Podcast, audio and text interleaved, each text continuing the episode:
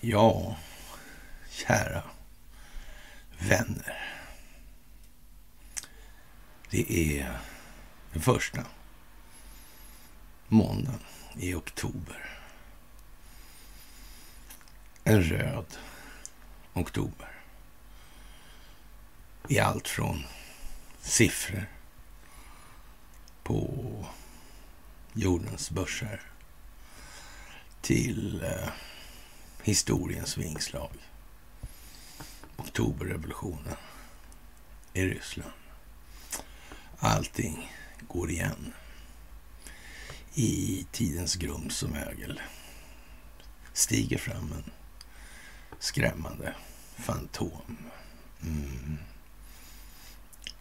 Ja, även Grekland hade sina vanderfögeln fostrade i Sparta och i Rom.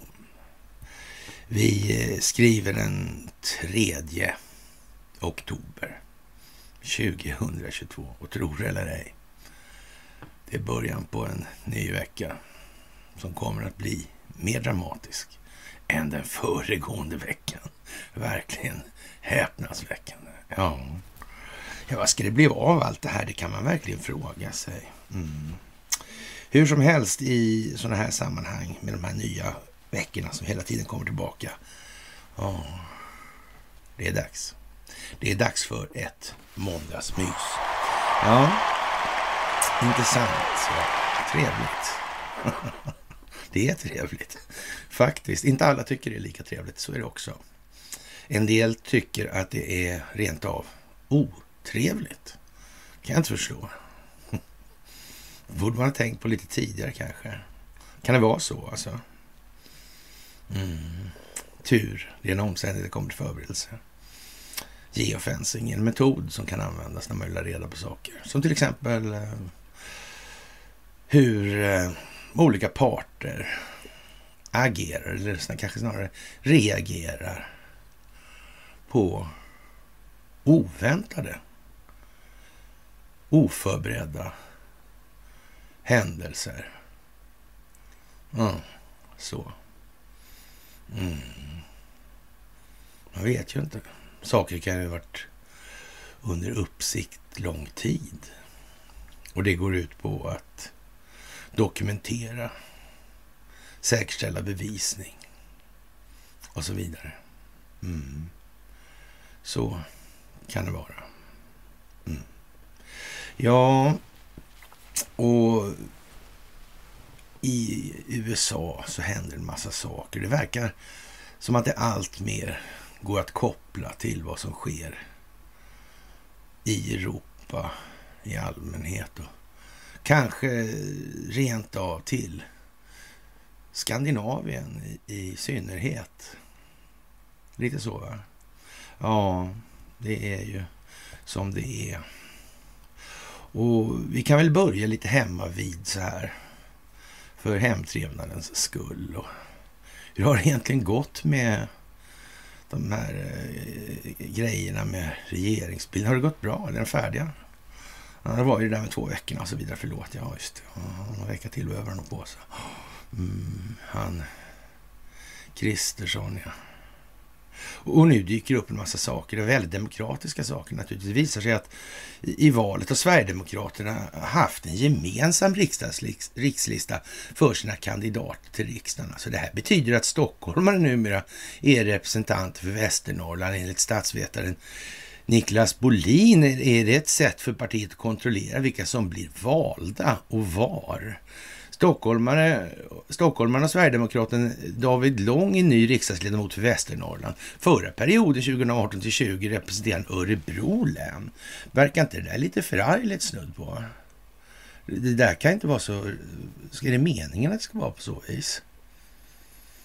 Den lokala förankringen, är inte det här liksom någon... Eh, lite grann av en toppstyrningsmetod på något vis? Ja, det känns inte fullkomligt demokratiskt, det gör det ju inte. Nej. Mm.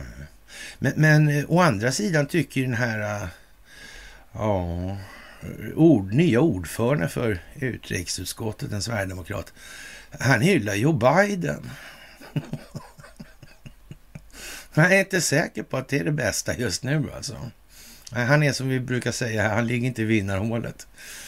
Uh, han föredrar väl inte, han föredrar väl andra sorts våld där alltså. Underlivsporslinet, ja, jag vet inte. Mycket märkligt i alla fall. Jaha, och samtidigt har Sven-Olof Sällström från Ånge suttit i riksdagen sedan 2010 för Göteborg, Dalarna och Kronoberg. Ja, jag vet inte. SDs lista för riksdagskandidater inför valet var i stort sett densamma för hela landet. Varför är det så och vilka konsekvenser får det här då? Ja, ja, de har ju sagt saker som inte var lämpliga då enligt partistyrelsen då. Och, och det kan ju vara så att då kanske de tycker saker som är lite mer regional och inte så nationell karaktär. Och då ska det liksom hållas ner kanske. Mm. Det verkar inte så bra. Det verkar rent av dumt alltså. Och man kan ju tänka sig då att en, en sån så att säga, företeelse som Västernorrland, då kan man ju tycka då med, med Sundsvall eller Calcutta. Ja, kan ju vara viktig alltså ur till och med ett eh, internationellt perspektiv. Mm, och då vill man från partiledningen alltså uppvisa en viss följsamhet i den delen och inte tillvarata de intressen som finns lokalt alltså. Mm, och lite fult kanske rent ut sagt. På så vis. Mm, det verkar nästan så.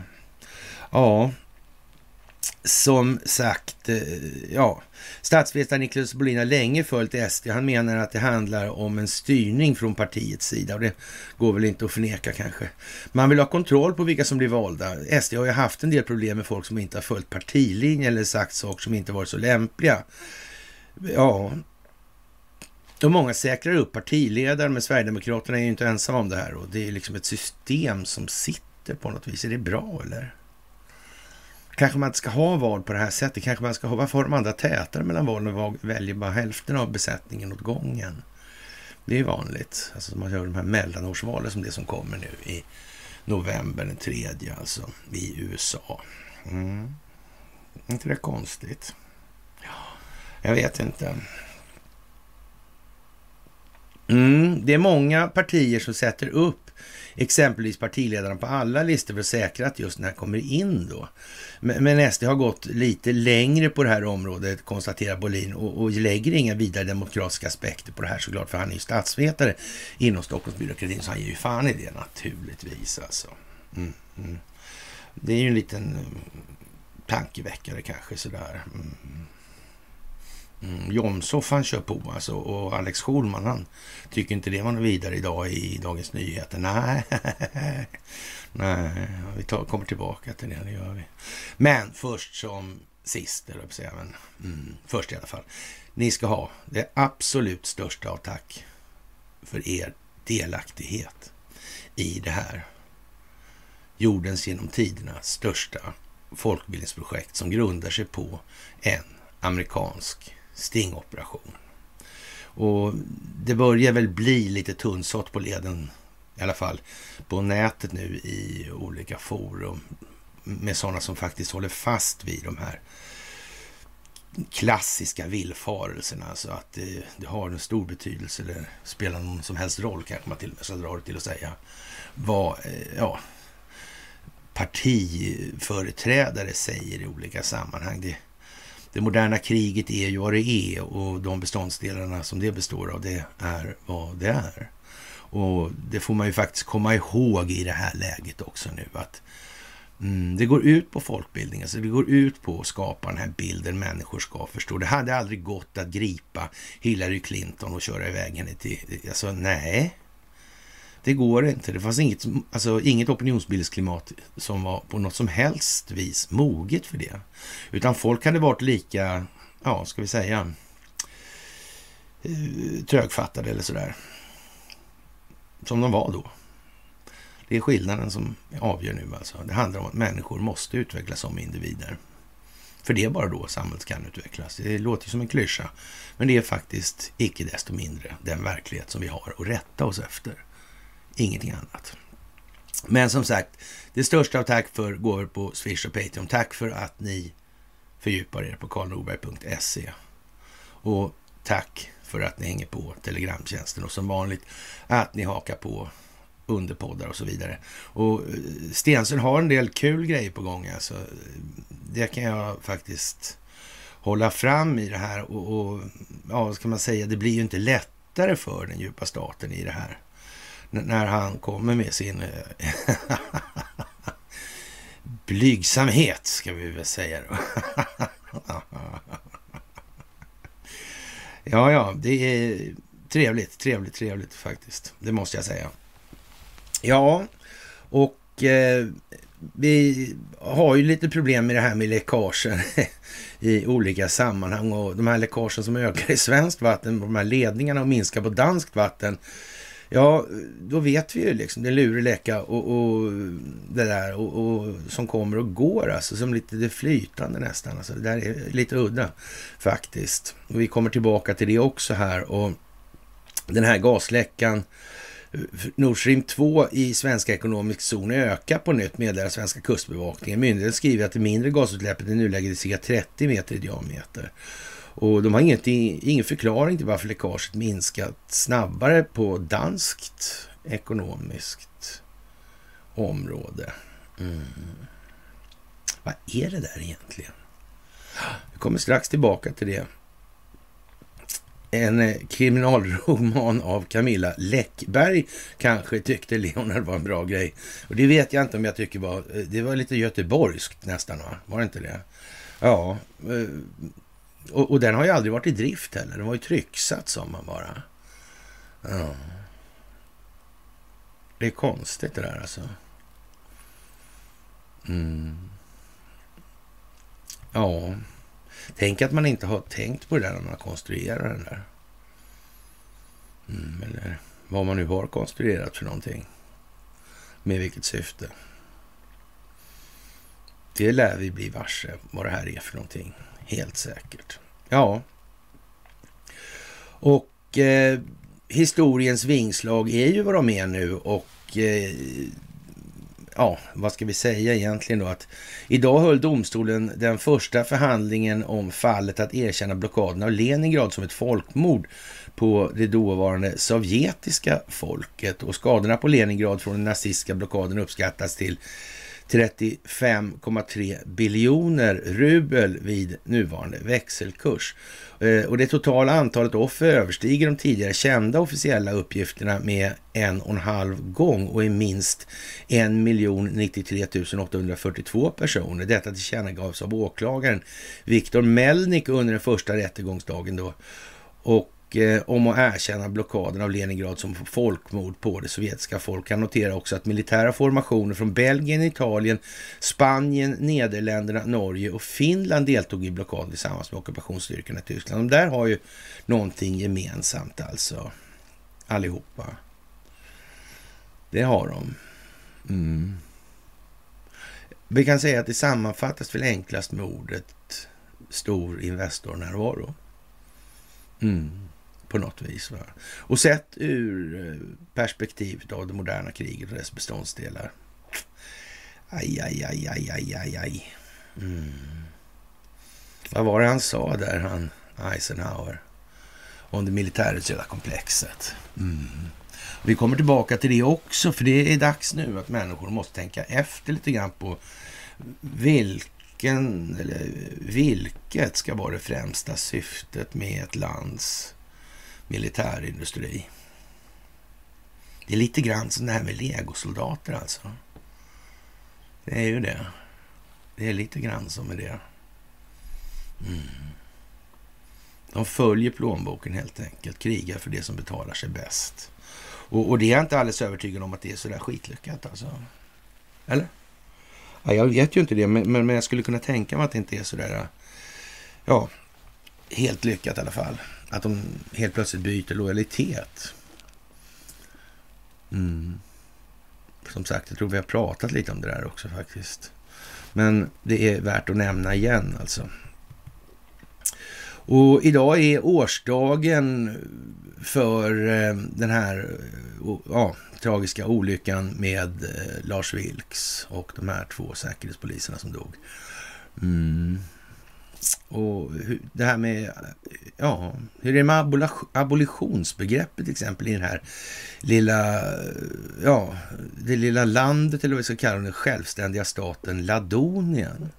Hur är det med den egentligen? Vi har ju sagt att Lars Vilks han visste en massa saker i, i, i de här sammanhangen som eh, folk i allmänhet inte har en aning om. Och det, det gör ju gällande någonstans att det här kan ju ha lite grann av en djupare mening och innebörd. Det hade ju inte sett bra ut om någon hade fått fingrarna på Lars Vilks och gjort någon slags konstig martyr av honom. Det hade ju blivit tämligen olyckligt. Mm. Det får man nog säga. Ja. Ladonien är ju hur som helst en eh, skulpturpark i Kullabergs naturreservat i Skåne. Anlagd av konstnären Lars Vilks. Då. Skulpturparken har utvecklats till en mikronation som den 2 juni 96 utropades som en självständig stat. Ladonien med storleken en kvadratkilometer eh, ja, Staten har inga bofasta invånare, men en drottning och med många ministrar och många ministrar. Ladonien är en remoni, alltså en republikansk monarki. Ja, vi har ju en demokratisk monarki. Mm. Ja, vad menar han med det egentligen? Som har både kungligheter och president. Presidenten väljs vart tredje år. Det senaste presidentvalet 2010 vanns inte av en person. Kanske vanns av en stiftelse, eller vad jag, jag vet inte. Ja, och, och, ja, eller något. Ja, eller kommanditbolag kanske till och med. Och ingen kom heller tvåa. Eh, tidigare president och vicepresident har varit eh, Fredrik Axvik och Kiki von Hankell. Fredrik Axvik är konstminister sedan 1998 och han har förlagt en hel del av sitt konstnärskap i Ladonien. Lars Vilks är statssekreterare för Ladonien då.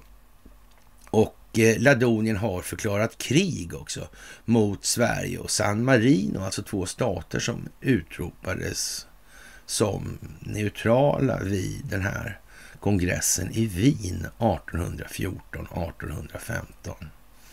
Ni kommer ihåg att vi har berättat om det, gör ni. Minnesgoda lyssnare gör ju det alltså. Det ringer en klocka, fan också. Det är något visst med det där neutrala. Ja, om inte annat om man har ett militärindustriellt komplex så är det bra att ha neutrala. Ja. Och det kan ju till och med vara bra om man vill vara ledande att vara neutral. Sådär. Mm, man får ju aldrig skulden. Och så ja, och eh, redan dagen efter att Lars, Lars Vilks hade omkommit deklarerar Höganäs kommun att den omstridda träskulpturen ska bevaras. Nu har ett första steg tagits alltså. Och Krapperup har sagt att de inte har något emot att Nimis bevaras, säger kommunalrådet Peter Sjölander, Moderaterna. Och ja, det där kan ju vara något konstigt alltså. Kan ha betydelse i framgent alltså. Mm.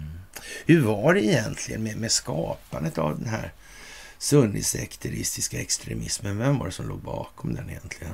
Mm. Vilka krafter var det egentligen? Ja, det var ju de där igen ja. Mm. Det var ju just precis det där med arabiska upproret där 1916. Mm. Enandet av Saudiarabien, alltså näste för det här av familjen Wahab och huset Saud som blev kungliga, inte Wahab alltså, de blev religiösa uttolkare i det här. Mm. Ja, lite udda, får man nog nästan säga. va? Mm. Ja, ja.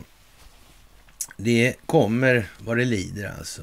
Och Lars Vilks verkar nog ha varit lite smartare det här racet med eh, ja, madamman Karlqvist och tv-teamet på släp och drar iväg där till Pamela Geller och, ja, och kanske inte fattar det här med att sunnisekteristisk extremism är en konstruktion av de kolonialväldeskrafter som de vägrar att kritisera men ändå säger sig vilja motverka.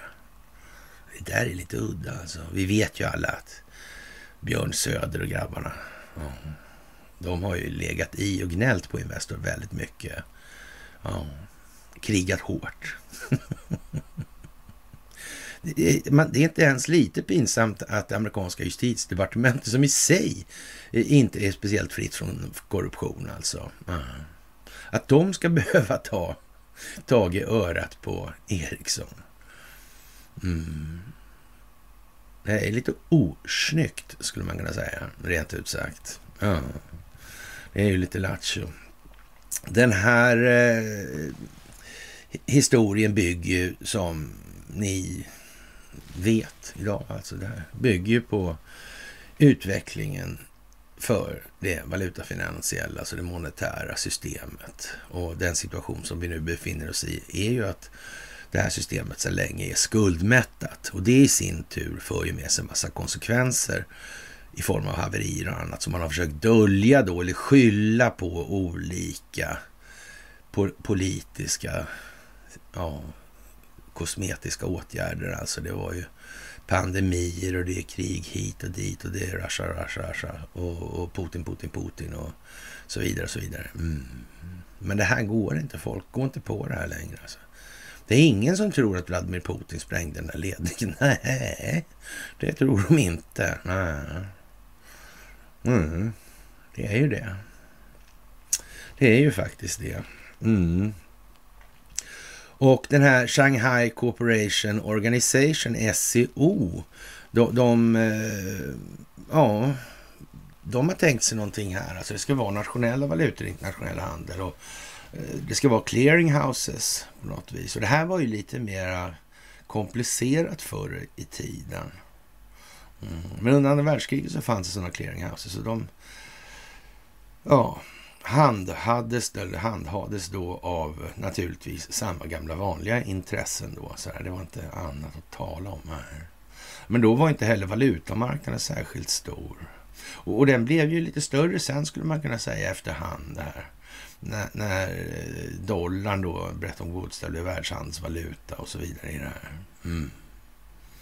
Mm. Freeride-effekterna som kom som en konsekvens av att andra länder måste växla till sig dollar för att bedriva handel på råvarumarknaderna. Mm. Då blev till slut handeln med valuta blev den största marknaden på jorden. Är inte det lite gulligt? Mm. Och där finns det ju massa försäkringar. Mm. Massa derivat. Mm.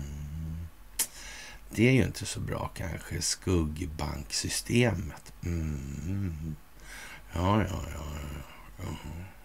Det kan man säga blir lite problem när det här börjar haverera. Mm. Och det i sin tur bygger på att det finaste, finfinaste, finfinigaste kanske, mm, lyxbra kapitalet, det består av eh, skuldsedlar undertecknade av eh, länder eller då centralbanker. Mm.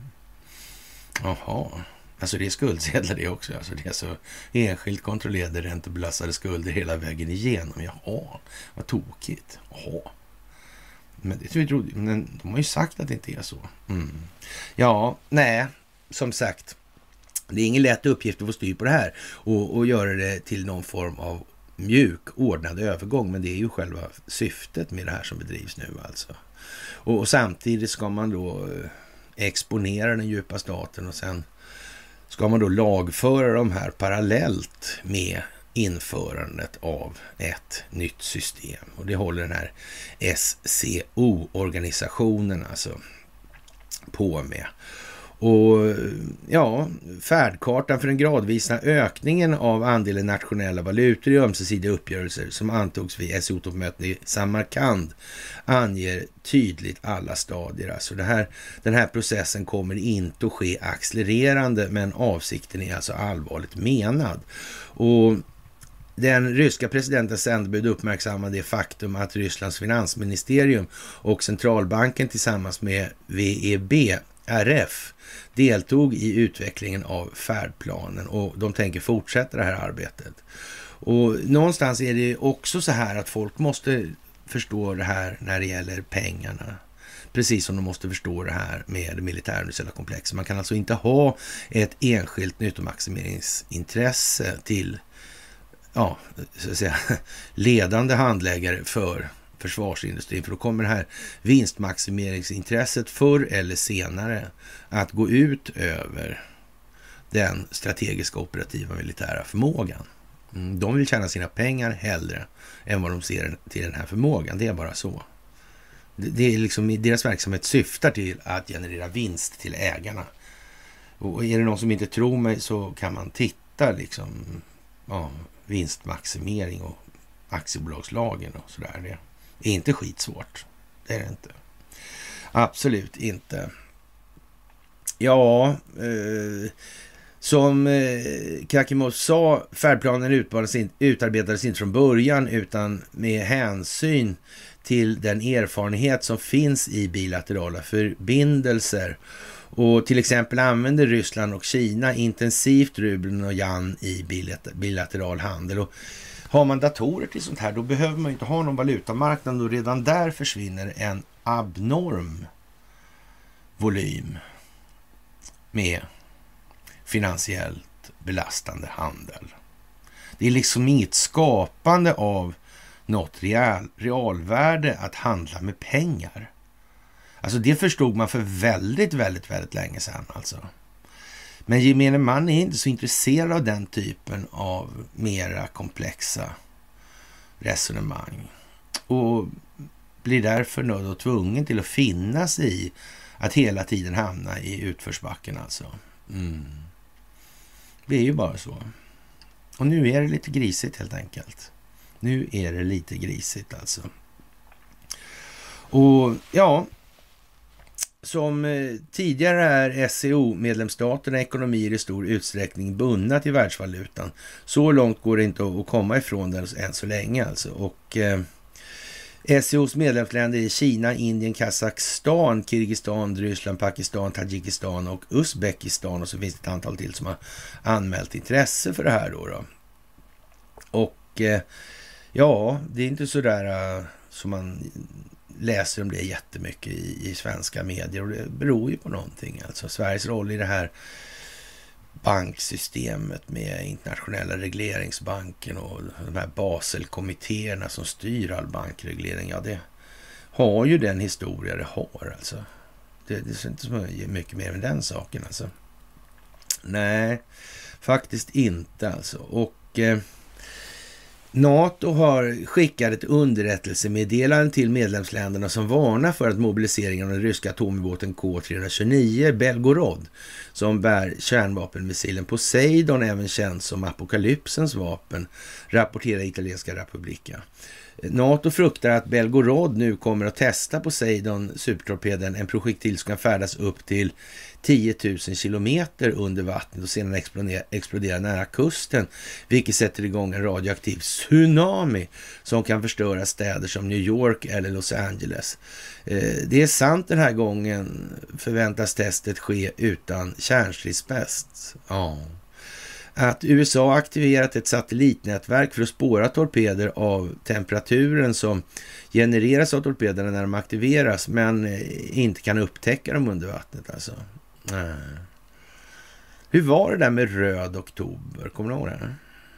Den här filmen alltså. med Sean Connery som fartygschefen där. Mm. Ja. Just det, hur var det? Så den där, den där politiska officeren där han, Ivan Putin ja. Och, och vad var prylen med den här båten då? Den här båten. Det var framdrivningen va? Den gick ju inte så där snabbt som den här torpeden som den går inte att försvara sig mot på det sättet under vattnet. Det är ju liksom svårt. Mm. Den går ju liksom inte att... Det finns inte prestanda på motmedlen för det helt enkelt. Men den gick ju tyst den där istället, så han kunde ju smyga, smyga sig upp på den amerikanska kusten var tanken. Och, och, det hade ju som vi sa då när vi pratade om det här senast, att det hade ju haft ett mummiga effekter helt enkelt för den djupa statens vidkommande och smyga upp den där då. då. Mm. För det var ju inte så att Sovjetunionen precis saknade infiltration i statsledningen. Så var det inte. Nej, de var lite korrumperade. Det var man ju pigg på att torgföra i väst. Alltså att den här verksamheten som man bedrev i Sovjetunionen var så jävla rutten och korrumperad och folk mådde skit och så vidare. Ja, det fick vi lära oss. Men vilka var det som hade korrumperat då? Det sa man ju aldrig riktigt.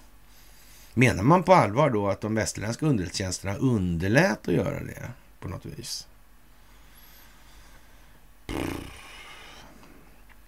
det tror jag inte på allvar faktiskt. Jag tror de tog uppgiften på större allvar än så alltså. Mm. Och ja, vem vet, kanske de var redan tidigt ute på den bollen. Kanske man förstod att man skulle göra det direkt alltså. Och, och till och med ställa till den här Sovjetfesten alltså. Mm. De var som korrumperade från dag ett alltså. Ja, Lenin han levde ju inte så länge i, i det här sammanhanget. Han bestämde ju inte ja, i princip mer än två år. Och, och, och på slutet där så hade han ju lyckats signa på där den här... Just det, den där ja. Mm, vad hette den?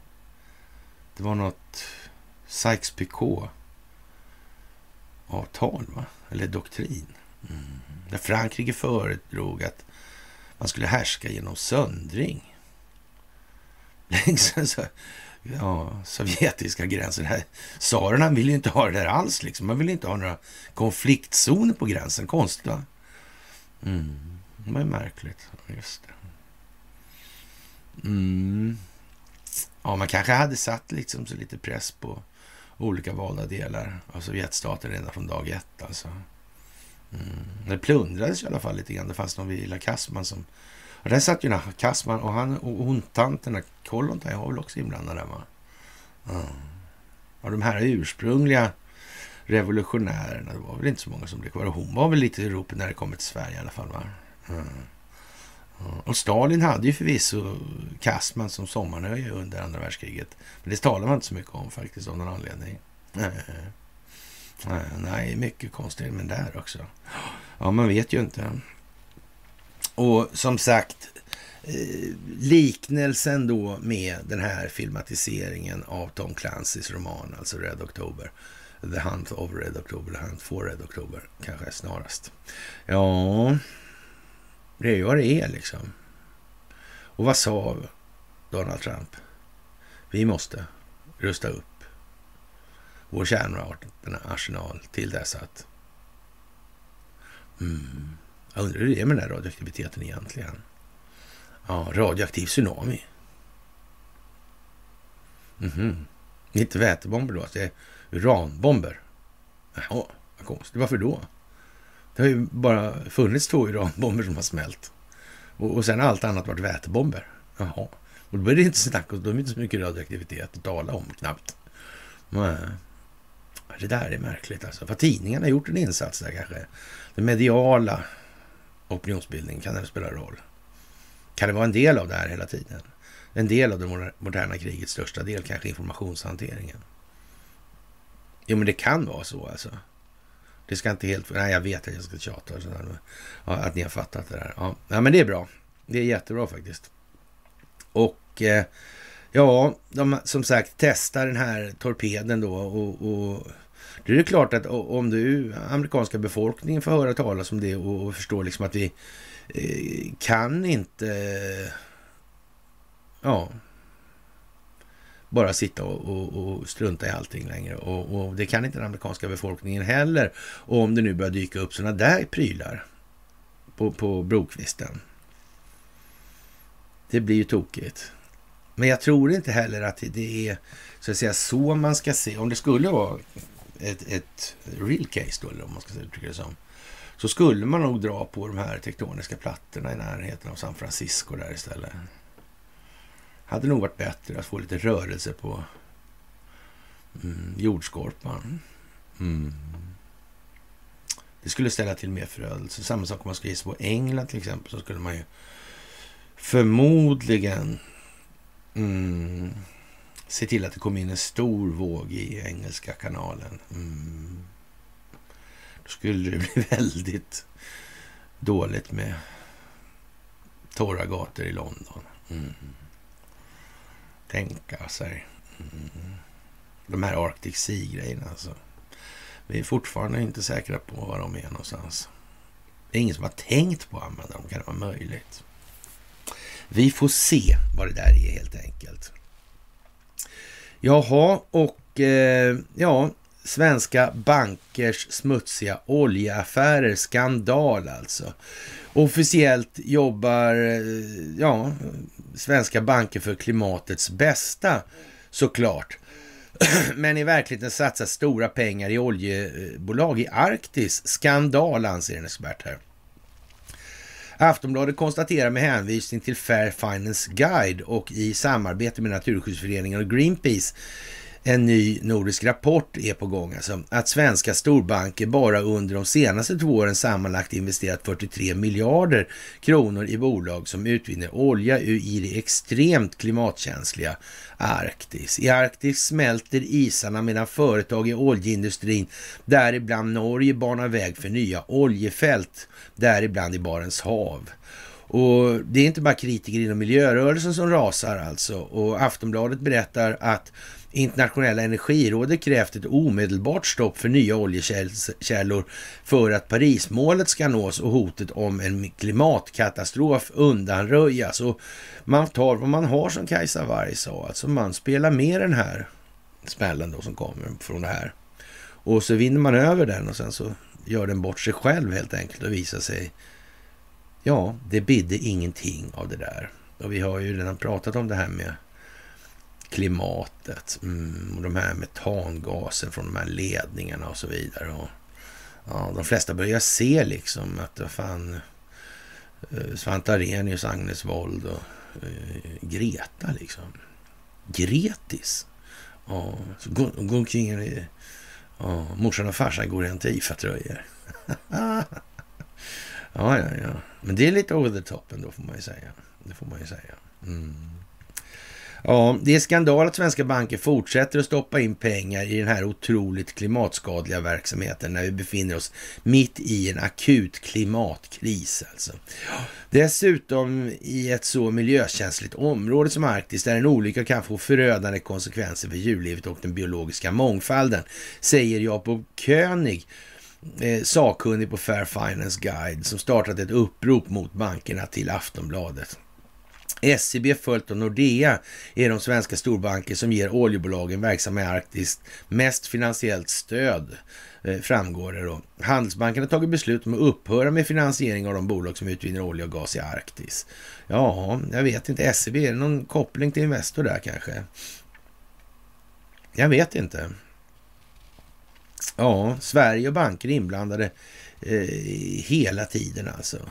Det är konstigt. Det är lite undligt nästan. Mm. Eh, vad beror det på, tror Jag vet inte. Det är som det är, kort sagt. Det beror på någonting. Vad kan det vara? Jaha, och eh, vad ska man säga, det här svenska rättssystemet som gör allt det här möjligt.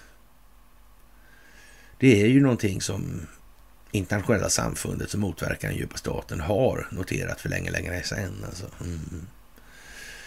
Ja, de minnesgoda har väl till och med koll på det här med vinkongressen. Mm. Det är ju liksom samma intressen hela, hela tiden. Det går runt, det går runt, det går runt. Det är en makalös manick alltså. Mm. Så är det ju. Och eh, ubåtsräddningsfartyg på plats vid läckorna rapporterar SvD idag alltså. Och det är, gäller ubåtsräddningsfarkosten, eller fartyget Belos, som är en, ja, det är ett gammalt supply ship då, eller så man ska säga, till oljeborrplattformar som inköp, den här inköptes då på, vad kan det vara, 90-talet är det nog. Det är det. Så det där var ju liksom en speciell pryl alltså. Mm.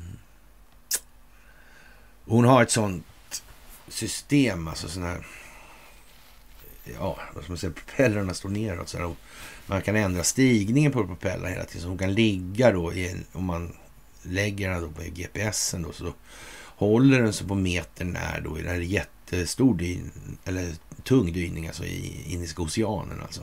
Så ligger hon ändå still alltså. Och det är bra om man ska ha, så att säga, någonting nere i, ja, så att säga, snören eller så. Ja, som till exempel en URF. Släppa ner den så den kommer upp ungefär på samma ställe. Mm. Mm. En ubåtsräddningsfarkost. Ja, I Belos där så är det inte helt osannolikt att Urfen är där också. Hon har nämligen en jättestor kran där som man har ja, friserat prestandan på helt enkelt. Jag vet inte varför man gjorde så kanske. Men det var inte bara för att lyfta bogvisir i alla fall, det är helt säkert. Mm. Så är det ju. Alltså. Han är byggd i Håga industriområden, den här kranen. Några dral. Mm. Farbror Leffe. Mm. Det där är lite speciellt får man säga. Verkar som att det här har varit med om en del och verkar liksom, ja. Försvarsmakten har även varit på plats sen i lördags alltså då. Och eh, Kustbevakningen leder arbetet men vi är där och stödjer dem med olika fartyg. Vi kommenterar inte hur många eller vilka fartyg vi är där med, men vi går ut med att vi är på plats med fartyget Belo som är till för att rädda personal på ubåtar samt avancerade dykuppdrag, säger Jimmy Adamsson som är kommunikationschef på marinen.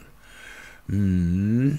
Ja, båten som är specialutrustad för uppdraget har en personal med expertis på ubåtsräddning samt avancerade dykuppdrag. Varför de är på plats med just Belos vill Adamsson inte kommentera. hon har ju tryckkammare och sånt där ombord också. Mm. mm. Vad då för liksom? Kan de lyfta upp saker eller ska de, vad ska de göra liksom? Eller ska de, finns det folk där nere eller vad är det som är frågan om? Det är ju jättekonstigt alltså. Och sen har ju naturligtvis sådana här fjärrstyrda anordningar då som man kan använda till olika dykuppdrag. Det har de ju också. Mm. Urfen är, är, ja den var orange och vit senast jag såg den i alla fall. Men jag kanske måla om den för att, jag vet inte. Sådär och eh, ja, där ute i, i anslutning till de här fanns det ju någon, fanns det inte någon sån här gammal någon konstig stenbetongformation på botten där också någonstans. Var det inte så? Ja, för mig det alltså ändå. Men det blev inget av det där tror jag när de började dyka på det här på något vis. Det var liksom... Det rann ut liksom, inte bara i sanden. Kanske Östersjöns botten. Ja, ja. Och man har bett då att eh, ja, flera fartyg ändrar kurs. Då. Det handlar om fritidsbåtar, handelsfartyg. Och, och ifall vi har avvisat militära fartyg känner jag, vi kan inte kommentera då, säger Mattias Lindholm, presstalesperson. Och ryssarna har ju sagt att de måste ha tillstånd alltså. För, för att vänta, de väntar på tillstånden i det här. Mm. Och eh, Nord Stream skriver på sin hemsida att de har för avsikt att börja bedöma skadorna på rörledningen så snart de får nödvändiga officiella tillstånd. Alltså. Men enligt en expert som TT pratar med så tyder mycket på att det inte behövs något tillstånd. Nej. Nej. Mm. Hur var det där? Kan hela den här skiten vara... De har väl inte lagt in en massa bevakningsutrustning kring ledningen? När de har byggt det här? Själva? Nej. Nej. Det har de nog inte gjort. Jag tror, jag tror inte faktiskt. Ingen kan ju förbjuda någon att vara på svensk ekonomisk zon. Det råder inte heller någon juridisk skillnad mellan botten och havsytan. Sverige har dock vissa rättigheter, men de kan inte förbjuda någon, säger Said Mahmoudi, professor i internationell rätt vid Stockholms universitet. Mahmoudi tror istället det handlar om ett missförstånd. Jag fick intrycket förra veckan att Kustbevakningen och Sjöfartsverket framställt sig som om de bestämde över området. Eh, och det kan, det kan ju inte uteslutas att man eh, genom det här har givit signaler. liksom sådär. Men, mm. Men varför vill man vara där själv först då från svensk sida? Hålla på till och med tagit dit Bel och så rent av kanske Urfen också. Mm. Ja, det är ju sådär om det här är någonting och det hävdar ju ryssarna att det är. Ja. Kan det vara så att det ska sopas igen någonting? Ja. Man vet ju inte, man vet ju inte. Nej. Man vet ju inte det. Mm. Udda. Ja, eller hur?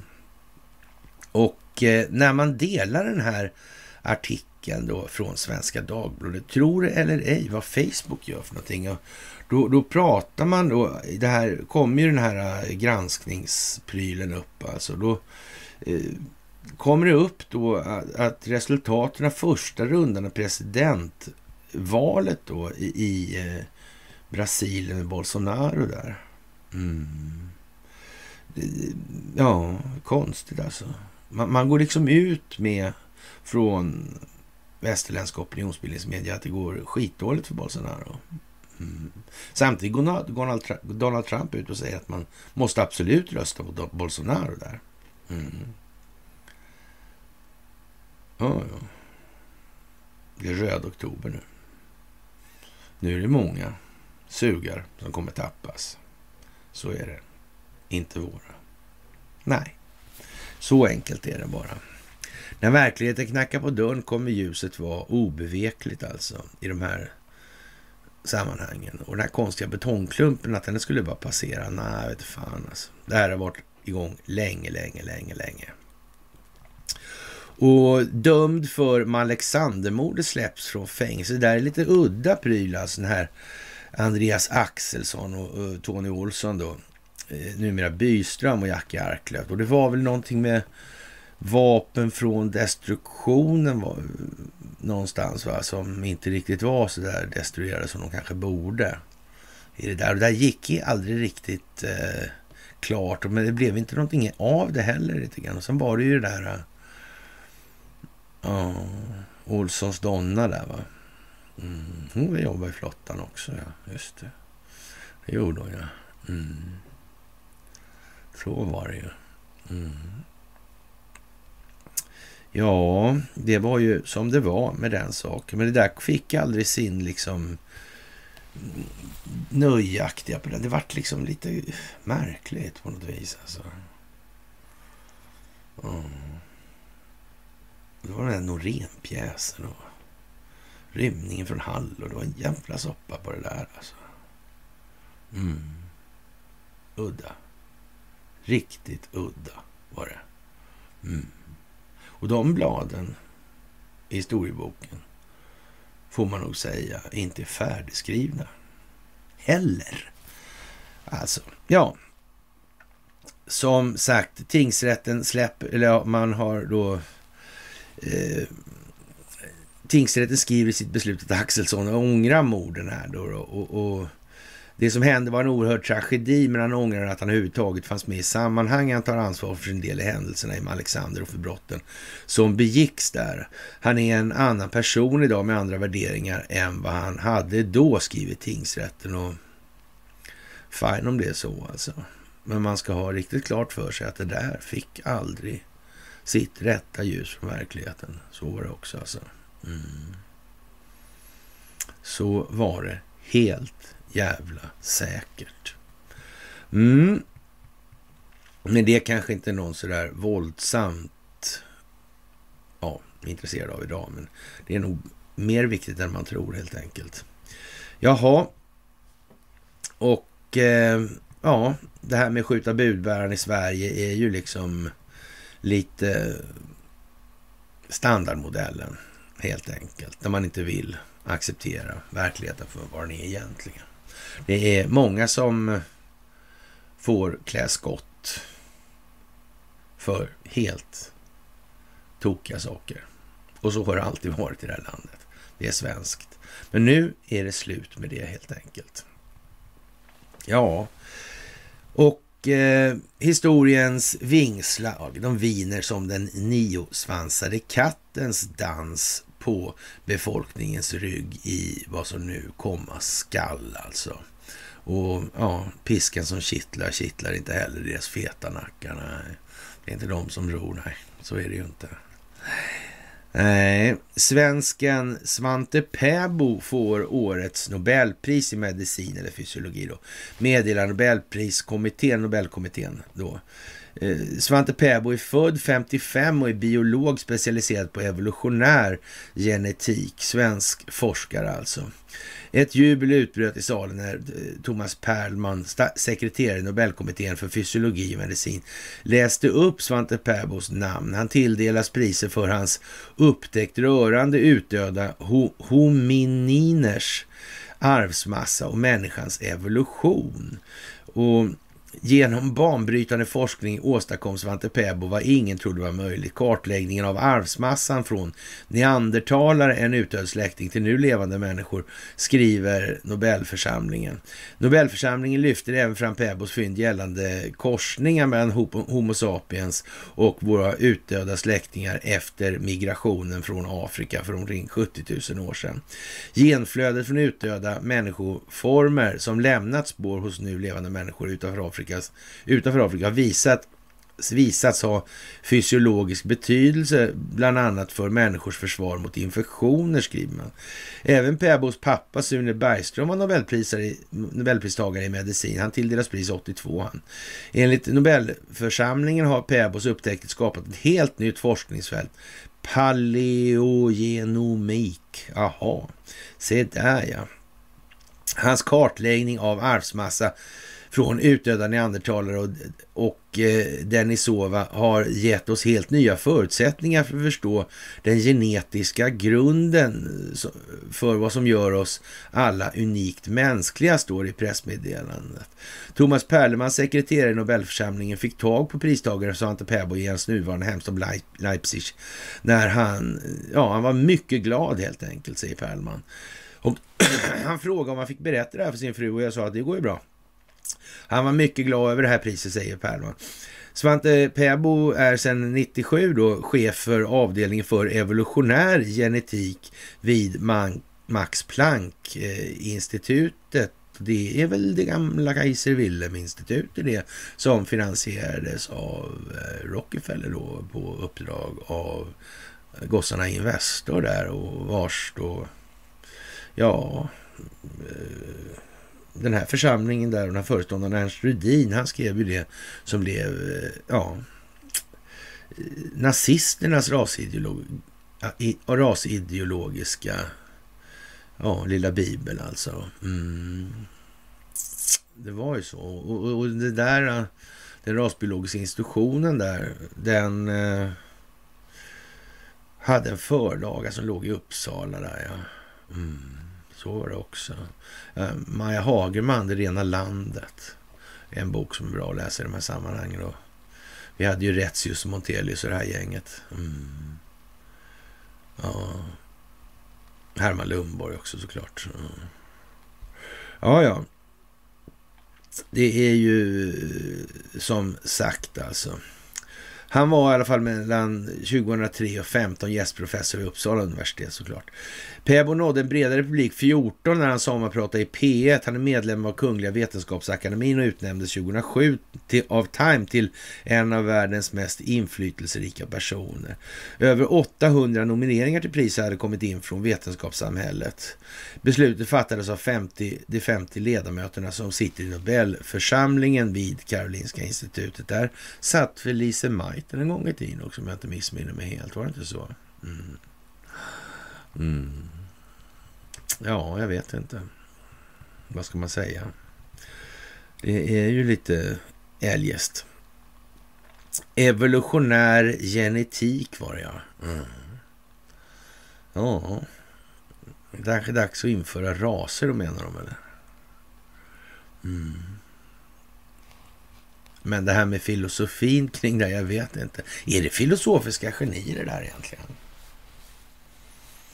Finns det överhuvudtaget någon filosofisk aspekt? Är moral någonting som spelar någon roll? Spelar känslor någon roll i livet? Jag vet inte om jag tycker det är särskilt roligt att sitta och ställa de retoriska frågorna här. Alltså, men man undrar ju egentligen hur jävla billigt kan det bli alltså. Ja. Glädje och sorg. Ett liv utan glädje, ett liv utan eh, sorg. Ja, ja. verkar ju trevligt. Och, och det ena kan inte finnas utan det andra. Det är ju för jävla märkligt det här alltså. Mm. Det är det. Och, och, jag blir, man blir liksom, eller jag blir i alla fall smått illa berörd över att folk inte liksom reflekterar lite över vad fan är detta? Men nu kan man väl säga så här också. Frågan är väl om man så att säga, är det liksom Nobelpriser då som sådant? Är det kanske eh, någonting som egentligen borde ligga varmt, hos, eller varmt om hjärtat hos samhällsnyttan då? Verkar det här vara det egentligen? Det här vetenskapssamhället då, det har inte alls på något vis alltså haft en, ens en anstrykning av att verka främst för enskilda nyttomaximering. Ingen alls i hela historien. Ja, det vet ju bara det här med eh, vaccinfrågor och annat. Det är ju klart, det är ju... Ja.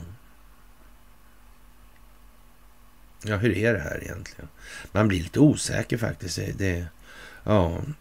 Och, och, ja, det här är ju väldigt krispiga saker det här helt enkelt. Och Umeå är väl Umeå då i alla fall. Sådär ändå. Och eh, ja, det, det, där är nog... Eh, det finns en del att ta tag i i de där sammanhangen och inte sällan handlar det om enskild nyttomaximering i bakgrunden faktiskt. Ja, som sagt, och många vill ju då att det här ska vara något helt romantiskt, det här med genealogin då. Eller genealogin, ja. Mm. Det är ju lite så alltså. Det måste finnas något oförklarligt. Det kan inte vara så enkelt som att vi måste ta ansvar för våra egna liv och vår egen utveckling som individer. Så enkelt får det inte vara. Nej, det måste vara liksom något övergripande, något större hela tiden. Vad sägs om alltet? Är inte det stort nog? Mm. Naturen, lagarna. Mm. Ja, det är nog som det är faktiskt här. Jaha, och den ryska utländska underrättelsetjänsten då, SVR kallas den idag, kallas, kallade explosionerna på Nord Streams rörledningar som ledde till oöverträffad skada på Europas huvudsakliga gas, gasförsörjningsledning för en interna, ett internationellt terrordåd och tillåter att det kollektiva västvärlden döljer de riktiga förövarna här. Det verkar ju fräckt alltså och säga något sånt. Alltså. Ett av de svenska marinens fartyg hade alltså besökt rörledningsområdet, minst ett fartyg alltså, är det nog ja. I Nord Stream 1 och 2 i Östersjöområdet, bara några dagar före läckorna som Ryssland kallade ett resultat av statligt sponsrad terrorism alltså. Dagens Nyheter är en av landets ledande tidningar, det här är alltså i ryska Sputnik. En av landets ledande dagstidningar använder en kommersiell tjänst för att spåra fartygets rörelser eh, med hjälp av signaler från så kallade AIS-sändare där alltså. Det är som en transponder alltså. Som visar fartygets plats men kan stängas av vid behov. Alltså. Enligt tidningen befann sig marinens fartyg i området från torsdag till lördag 22 till 24 september. Det går man ju med på alltså från svenska flottans sida eller svenska marinens sida. Läckorna upptäcktes först måndagen den 26 september. Dagens Nyheter rapporterar att fartyget under torsdagen befann sig på den norra platsen där tre läckor senare upptäcktes. AIS-sändaren såg ut att ha stängts av sedan men slogs på igen när fartyget dök upp i det södra området där ytterligare en gasläcka senare upptäcktes. Den svenska marinen bekräftade att fartyget hade befunnit sig i området och utfört, som man sa då, sjöövervakning alltså. Ja, sådär. Och, eh, men avböjde alltså att kommentera syftet med hänvisning till strikt sekretess alltså.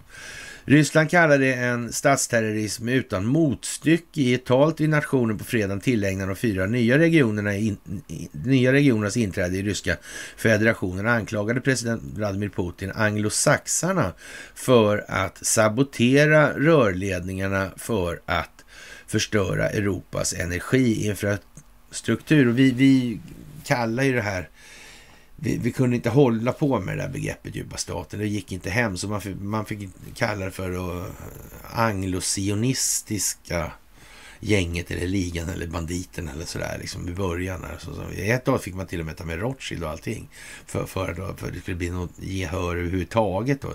Till, slut får man ju, till slut får man ju alltså renodla det här. Då kommer man ju fram till då, vad det här är för någonting. Liksom att, och, och det var in, på den tiden var det liksom ingen idé att börja tjattra. Man gjorde, gjorde några, så här, några försök sådär, men det var en hel del försök faktiskt med, så här, med, med den moderna krigets beståndsdelar och ja, och, ja, det är mycket som... Det var inte moget helt enkelt. Det var lite överskattat från min sida helt enkelt. Ja, men det vet ni ungefär. Och eh, ja, eh, man får väl eh, nästan eh, tillstå att det här ser ut att skorpa till sig lite för svenskt vidkommande. I all egentlig mening alltså. Så.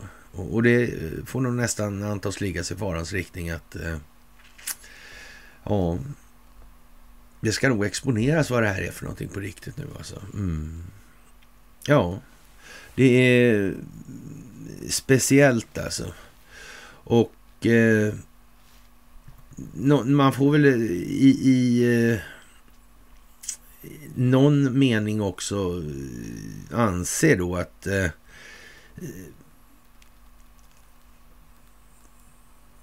nu har det gått för långt alltså. Och det har väl varit meningen hela tiden också, så att det ska gå så här långt och det kommer gå ännu längre. Och, och kollapsen blir ju eh, förmodligen inte så liten då med hänsyn taget till hur man spelar upp den inrikespolitiska utvecklingen heller. Mm. Det är kanske ingen höjdare alltså att eh, Jomshof sitter på juridiken. Mm. Ordförande för utrikesutskottet hyllar Biden. Mm. Jomshof börjar med någonting som man förmodligen inte hade kommit på själv. Alltså med det här med positiv särbehandling. Det är ju liksom inte så bra för likabehandling. Och, och man skulle kanske önska då att eh, ja, de här minoriteterna förstod att det här kommer missgynna dem på sikt. Det kommer bara leda till att de får alla emot sig, alla övriga. Mm. För folk kommer genomskåda det här med tiden. Mm. Och, och då kan man väl säga att det är otacksamt då för då, ja, Jomshof och, och, och börja vara torgförare här. Mm. Så är det ju. Men det är så man har valt att lägga upp det här. Det spretar åt alla jävla möjliga håll helt enkelt. Och ovanpå det så har man toppstyrt hela organisationen och har samma riksdagslista över hela landet. Ja, det är ju lovande alltså, det måste man säga. Mm. I ljuset av att Sverige blir exponerat som den bärande delen av den djupa staten som är en skock globalister som pysslar med globalism som SD aldrig har sagt ett kritiskt ord om. Mm. Som är alltså en angelägenhet till och med för det korrumperade amerikanska justitiedepartementet. Mm. Jag vet inte om det här ser jävligt lovande ut ur ett sånt gammalt traditionellt perspektiv. Det gör det ju inte naturligtvis. Men ur ett eh, perspektiv av vad som ska komma så är det naturligtvis extremt bra. Så är det ju.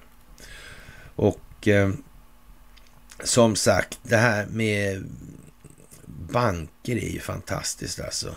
Och, och nu visar det sig då att eh, ja, Spargrisen då och eh, ja, Eh, Göran Perssons ex-bank hjälper företag att slippa skatt. Ålandsbanken, där Göran Persson tidigare satt i styrelsen och, och var stor aktieägare, hjälper företag att slippa svensk skatt. Avslöjandet gör Dagens Industri, vars reporter erbjuds ett skattepaket till ett pris motsvarande 300 000 kronor.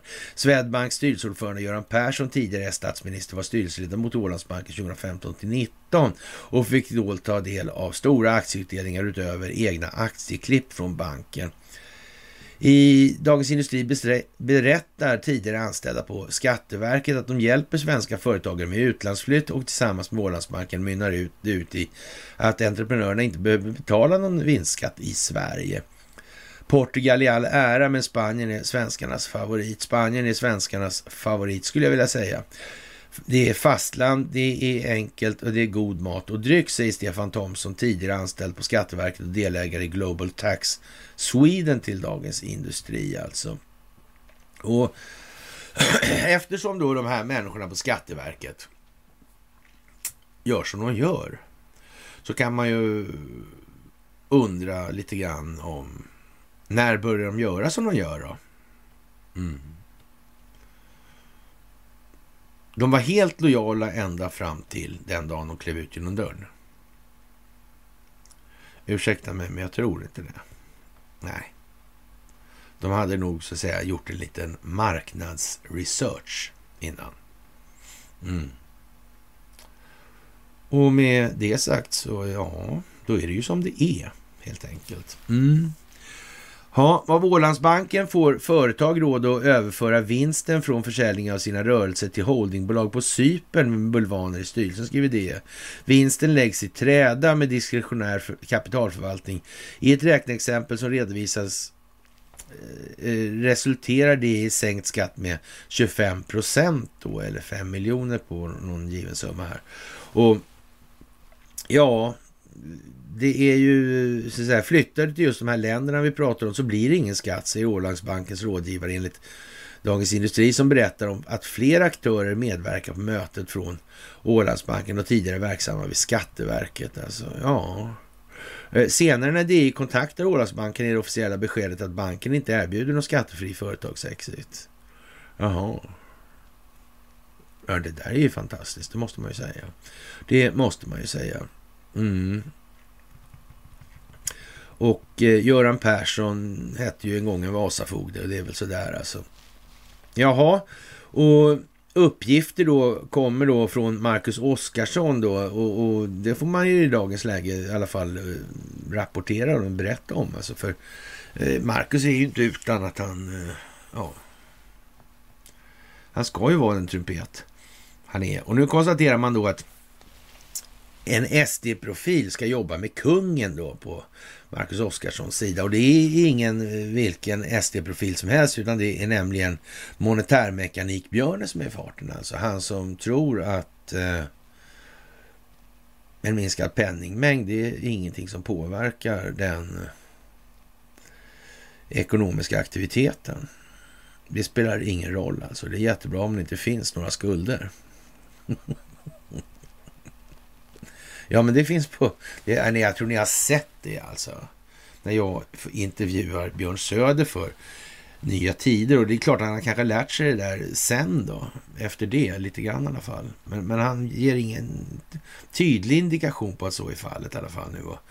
Och som sagt, eh, han eh, ska vara då, eh, ja, SD-toppen Björn Söder kommer ta plats som ordinarie ledamot i utrikesnämnden. Beskedet väntas bli officiellt i början av veckan, erfar Aftonbladet. Totalt finns det 18 ledamöter i utrikesnämnden, varav 9 är ordinarie. Björn Söders nya uppdrag skulle också innebära att han kommer att sitta eller jobba bredvid kung Karl den 16 Gustav som är ordförande i nämnden. Alltså de hanterar krigsfrågor. Då undrar ju vi då, eller Bill då, om man ska vara sån och jävlas lite med Uppsala då. Bill och Bull alltså. Krigsfrågor sa Bill då, som en del i det moderna kriget sa Bull då. Mm. Bull heter väl egentligen Durham kanske egentligen då sådär i det här. Mm. Det får man fundera lite på det där faktiskt. Mm. Och, och, jag vet inte om någon som har den så att säga, intellektuella höjden vid det tillfället i vart fall. Eh, när det gäller monetärmekanik alltså. Jag vet inte, krigsfrågor är det liksom. Och, men det är möjligt alltså, han är ett eh, geopolitiskt strategiskt snille alltså. Tror jag. Och speciellt när det gäller krig, alltså kan jag tänka mig att han är väldigt, han verkar väldigt sån alltså. Mm. Eller inte. Jag vet inte alltså. Ja, utrikesnämnden hanterar även frågor om eh, kris och krig. Alltså mötena äger i regel rum på Kungliga slottet alltså. Och, och, den här nämnden präglas av stor sekretess och arbetar med känsliga frågor kopplade till Sveriges relationer till andra länder och stater alltså. Och, och i det fallet måste man väl nästan säga så här Eh, återigen, vi kommer ner till det här. Antingen handlar, eller finns den djupa staten eller så finns den inte. liksom. Det är vad som är. Och jag vet inte om Björn Söder har skrikit lungorna ur sig i den delen i alla fall. Men han kanske tänker göra det nu då när han får liksom chansen. Ja, tala klarspråk då, eller hur är det tänkt här? Ja, vi får väl se det då i så fall. Men om folkbildningsinsatserna helt plötsligt skjuter en djävulsk fart alltså. Ja, ja, vi lär ju få se det. Och eh, eh, Björn Söder var fram till förra veckan påtänkt som Sverigedemokraternas förslag till talman då, och, men slogs sedermera ut av partikollegan Julia Kronlid som alla har sett i olika sammanhang. Och inte ens hennes släkting som är då eh, mer, mer eller mindre ett troll på nätet då. Ja, eh, alltså vill hålla med henne i något som helst sammanhang. Alltså, eh, ja, ja, Kronlid hon, ja, men sådär alltså. Och någonting som enligt uppgift i Aftonbladet gjorde Söder rasande och som kommenterade beskedet med att han upplevde det som att partiet hade spottat honom i ansiktet. Björn Söder och jag har varit vänner i 20, 12 år inom politiken och jag har väldigt stor respekt för honom. Sen hur de inre diskussionerna har varit i partiet, det är inget jag vill gå in på eller kommentera, sa Kronlid då till tidningarna om frågan då. Och Ja, utrikesnämnden får löpande information från regeringen om landets utrikespolitiska förhållanden. Vid krig eller fara för krig är nämndens roll extra betydelsefull. Alltså varför tar man upp det här nu överhuvudtaget då? Ja, det kan man ju undra. Mm, det är utrikesnämndens ledamöter tillsammans med statsministern som fattar beslut om, krigsdel om att krigsdelegationen ska ersätta riksdagen om det är fara för krig alltså. För ett beslut krävs att statsministern och sex av nämndens ledamöter röstar för det, förklarar Sveriges riksdag på sin hemsida. Möjlighet för oppositionen alltså. Under den föregående mandatperioden har flera partiledare suttit med som ordinarie ledamöter. Bland annat har Ebba Busch ja, Jimmy Åkesson, Nooshi Dadgostar, eh, Per Bolund, Ulf Kristersson och Annie Lööf. Att en regering är skyldig att hålla nämnden informerad om utrikespolitiska förhållanden fyller också syftet att oppositionen ska få möjlighet att kunna påverka utrikespolitiska beslut. Och eftersom man flaggar upp det här nu då, från Marcus Oskarssons sida, så får vi nog anta att det ligger lite i farans riktning att det kommer någon form av situation längs vägens sträckning nu framgent. Mm. Och det är ju det där, vem är det egentligen som bestämmer i det här? Och, och varför ska man ha en sån där krigsdelegation för? Mm. Det kanske man inte behöver då någon, eh, vad ska man säga, regering kanske. Man har ju två veckor på sig då. Mm. Och behöver man inte ens ha någon samlingsregering, man kan faktiskt ha en krigsdelegation då. Ja, det skulle kunna vara så. Det, det klickar ju lite i så här. Lite så gör man. Jag vet inte. Vi ska inte utesluta det för den här typen av uppgifter i medierna och kanske framförallt från en sån som Marcus Oskarsson i det här läget just nu. Mm.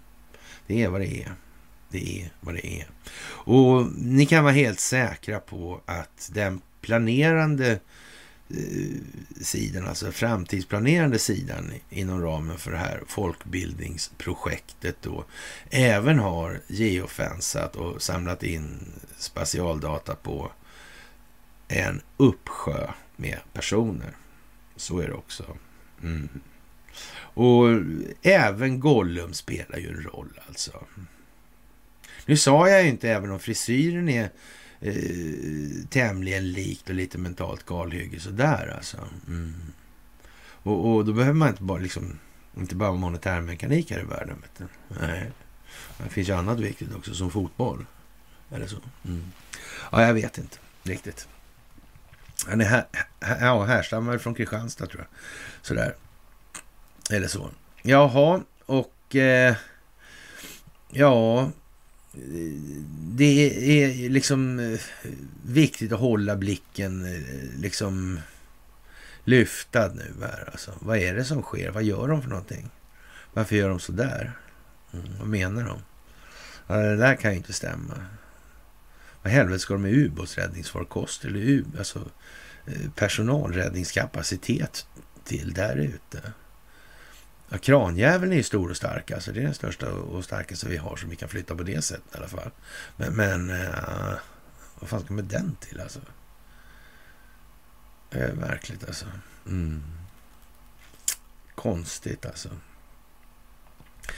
Och det här med brasilianska valet har vi tagit upp alltså. Och, och varför kör Facebook ut det där alltså? Ja. Ja, är det för att kanske visa att Facebook och Facebooks aktievärde går bra alltså? Och Donald Trump har inget förvärvsbolag. Nej, Nej, man vet ju inte egentligen hur det här funkar. Alltså, det är konstigt alltså. Och, och, ja, det var nog Donald Trump eller Vladimir Putin som fuskade och ja, det är konstigt alltihopa alltså. Och man kan säga så här. Eh, att Cervenka, alltså grindvaktarnas grindvakt, han, han är nog glad för att det här är över alltså. I den meningen. Det finns ingen... Det moderna kriget är vad det är, men det är, nu är det bara, det är bara en krig. Det finns ingen, ingen praktisk kamp kvar i det här.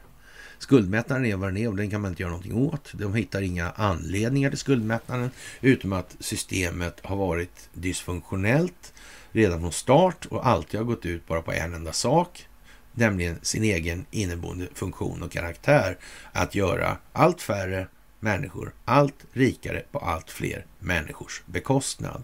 Inte exakt kärnfysik, helt enkelt. Räntekomponenten gör den enskilt kontrollerade räntekomponenten gör tillväxtkravet ovillkorligt på en ändlig planet. Ja, det är jättesvårt. Hur kunde det bli så här? Det var väl svårt. Och konstigt att man har en global regleringsbank. Ja, vad kan det här bero på? Mm. Och eh, i slutändan handlar det ändå om att uppriktigt söka förlåtelse och, och utan bortförklaringar och försvar. Och eh, ja, Cervenka eller Marcus Oskarsson eller något sånt här, de är ju liksom inte unika på minsta vis i det sammanhanget. Det är de inte. Det är bara så. Och Cervenka skriver så här, eh, förbereder på ett fattigt Sverige som ni inte trodde fanns. Från Svenska låginkomstförbundet hördes inte ett knyst eftersom det inte existerar. Googla på skitår och 22 borde hamna högt upp. Kalla krigets vindar biter i ansiktet. I Italien har Mussolinis arvtagare tagit makten och i USA härjar storm. En storm som får en undra om CNN lyckas komma över tv-rättigheterna till Gamla Testamentet. Men det finns de som riktar blickarna mot andra mer akuta problem, som den läsare som hörde av sig om listan över svenska miljardärer. Hög tid för en renovering av katalogen, ansåg brev, brevskrivaren. ety årets börsnedgång har raderat ut vissa förmögenheter. Avsändaren stirrar på denna tragedi i vitögat och, och ja, eh, som medlem i en av landets rikaste klaner som förlorat miljarder i raset. Ja, och som kan förstås svida ordentligt, men det är ändå förhållandevis liten fiol som ska fram. Det aktuella hushållet har åtminstone ett handfull miljarder kvar alltså. Och den överblåna svenska eh, spabadsklassen beklagar sig i pressen över att behöva komma iväg till Lidl för första gången. Andra har aldrig lämnat stället. 91, senast inflationen var lika hög som idag, hade 7,3 procent av svenskarna en så kallad låg ekonomisk standard enligt Statistiska centralbyrån. 2020 var siffran 14,7 procent med undantag för 2019, den högsta nivån sedan mätningarna började på 70-talet alltså. Och det här är ju liksom... Eh, nu är det över som sagt. Det här är ingenting annat än vad det är. Det här kommer inte att bli någonting annat än vad vi sagt skulle bli. Så är det också. Och det handlar om att få människor att förstå. Det är bara så. Det är inget annat. Och eh, vad ska man säga? Eh, det sägs att Ramzan Kadyrov skickar sina söner till U Ukraina och man får väl eh, säga att det kan ju möjligtvis vara eh, sant alltså. Och ja, eh, och han, ja, han hävdar då att det är dags för dem att bevisa sin ja, värdighet som, som människor helt enkelt. Mm. Och eh, det är väl kanske rätt så dramatiskt skulle jag säga. Och i någon mån så inskärper väl det allvaret i situationen när man drar till sådana grejer i opinionsbildningen då. Och ja, som sagt, det är dramatik alltså nu. Och det måste bli dramatik. Och svensken måste upp på tå på ett sätt som gör att han väljer att agera i tanken främst. Mm. Det är skillnad nu den här gången. Nu är det allvar alltså. Ja, vi får väl se hur fatt, fattigt det måste bli så att säga innan människor reagerar. Men det är den vägen det kommer gå alltså. Systemet som sådant går inte att rädda. Det kan ni bara glömma. Och det här med att Kina inför tidsskatt på pengarna. Ja, faktiskt. Såklart de gör. Om syftet med det allmänna betalningsmedel ska vara att underlätta arbetsdelning alltså. Och det sker genom handel. Ja. Då ska väl inte de flesta använda det här som en lagerhållningsenhet av värde. Det fungerar ju inte. Då får man ju lagra i värden som inte behöver interferera med funktionen för arbetsdelning. Det är ju liksom, det är två olika saker alltså. Arbetsdelning är att man kan byta varor och tjänster med varandra så här alltså. Det, det är så. Mm. Och det sker genom handel. Men det kan liksom inte vara... Sen får inte handeln i sig heller bli något självändamål. Och i, i synnerhet då inte handeln med pengar. Ja, det är ju hål i huvudet. Det är hål i hålet i huvudet liksom. Det är ju så alltså. Då är det korsdrag åt båda håll helt enkelt. Ja, sådär. Och eh, ja, stackars Andreas Cervenka. Och, och, det får man väl, eh, ja, säga vad man vill om sådär, men eh, ja. Och som sagt, den här ubåten blåser man ju upp som ja, apokalypsens paladin. Alltså. Och jag vet faktiskt, om jag ska vara ärlig, och, om, jag har aldrig hört talas om någon annan som använder det ordet. Ja, kanske, kanske förresten eh, Monty Python gjorde det någon gång. Ja, men ändå alltså. Ja. Och eh, som sagt, det där är ju vad det är. Och det här har man då, den här artikeln då som är angående den här ubåten i det sammanhanget.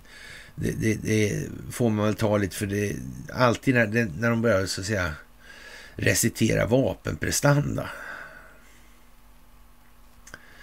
Ja, men hej och hå liksom. Överraskningsmomentet som militär doktrin, tack. Mm. Det, det där blir lite löjligt alltså. Man kan inte göra så och tro att någon som fattar något tror på en sen. Det är helt omöjligt. Det där är kalanka så in i helvete. Jaha, och eh, det här med skuldmättnad som sagt var. Det här med digital valuta och, och Kina då kommer med ja, så att säga utgångsdatum på tillgodohavandet på kontot. Alltså. Mm. Ja, hur ska man annars förhindra att folk Hamstra pengar? Det är ju det.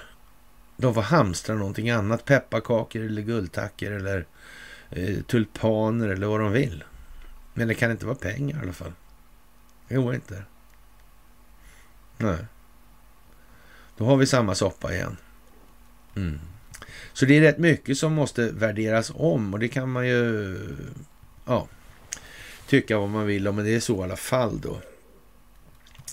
Jaha, Swedbank tycker nu att amorteringskraven bör pausas och ja, för att underlätta för hushåll att anpassa sig till högre ränteläget bör amorteringskraven pausas, säger Andreas Wallström, prognoschef på Swedbank. Och vi, vi kan väl gå igenom, eller hålla en timmes låda om det där då. då och, och, om man nu tycker det är intressant. Och det tycker vi väl inte är så jätte... Det är helt intellektuellt dött det här alltså. Alltså om, om likviditetsomfattningen hos, eller den disponib disponibla likviditeten hos familjen börjar bli ifrågasatt på grund av ett höjt ränteläge. Mm. Då återstår ju inte så mycket. Då måste man ju öka då, som vi brukar säga då, kredittiderna och går mot oändligheten. Och kredittiderna med amorteringsfria lån, ja, de, de, har ju en tendens att bli lite längre då kan man säga. Mm.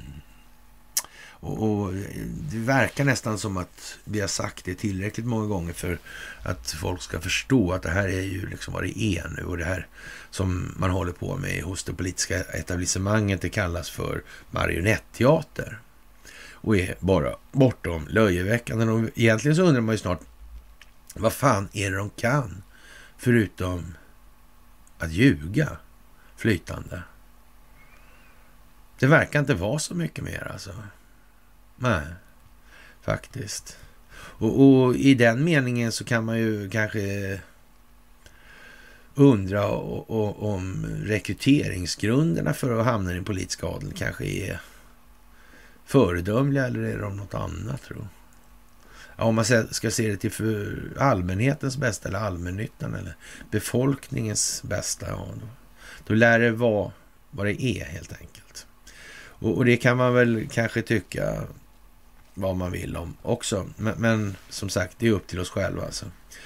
Och vi har väl eh, gjort lite grann om det här med skuldmättnad nu vill jag påstå. Och man kan titta på det här klippet på Youtube. Skuldmättnad förklara. Det är nog ett av de kortaste klippen som finns att uppbringa på jordklotet om just den. Nu är inte det så svårt eftersom det inte finns så många klipp om det. Då. Så, så det är inte särskilt märkvärdigt egentligen. Och eh, ja, det här med eh, Ukraina är ju liksom eh, Eh, ja, en tragisk historia som jag sagt skulle komma. En annan tragisk historia det är tråkiga besked om årets julfirande då enligt Marcus Oskarsson. Så ska det bli väldigt mörkt på många platser i landet. Man ska inte få julbelysningen tänd. Alltså.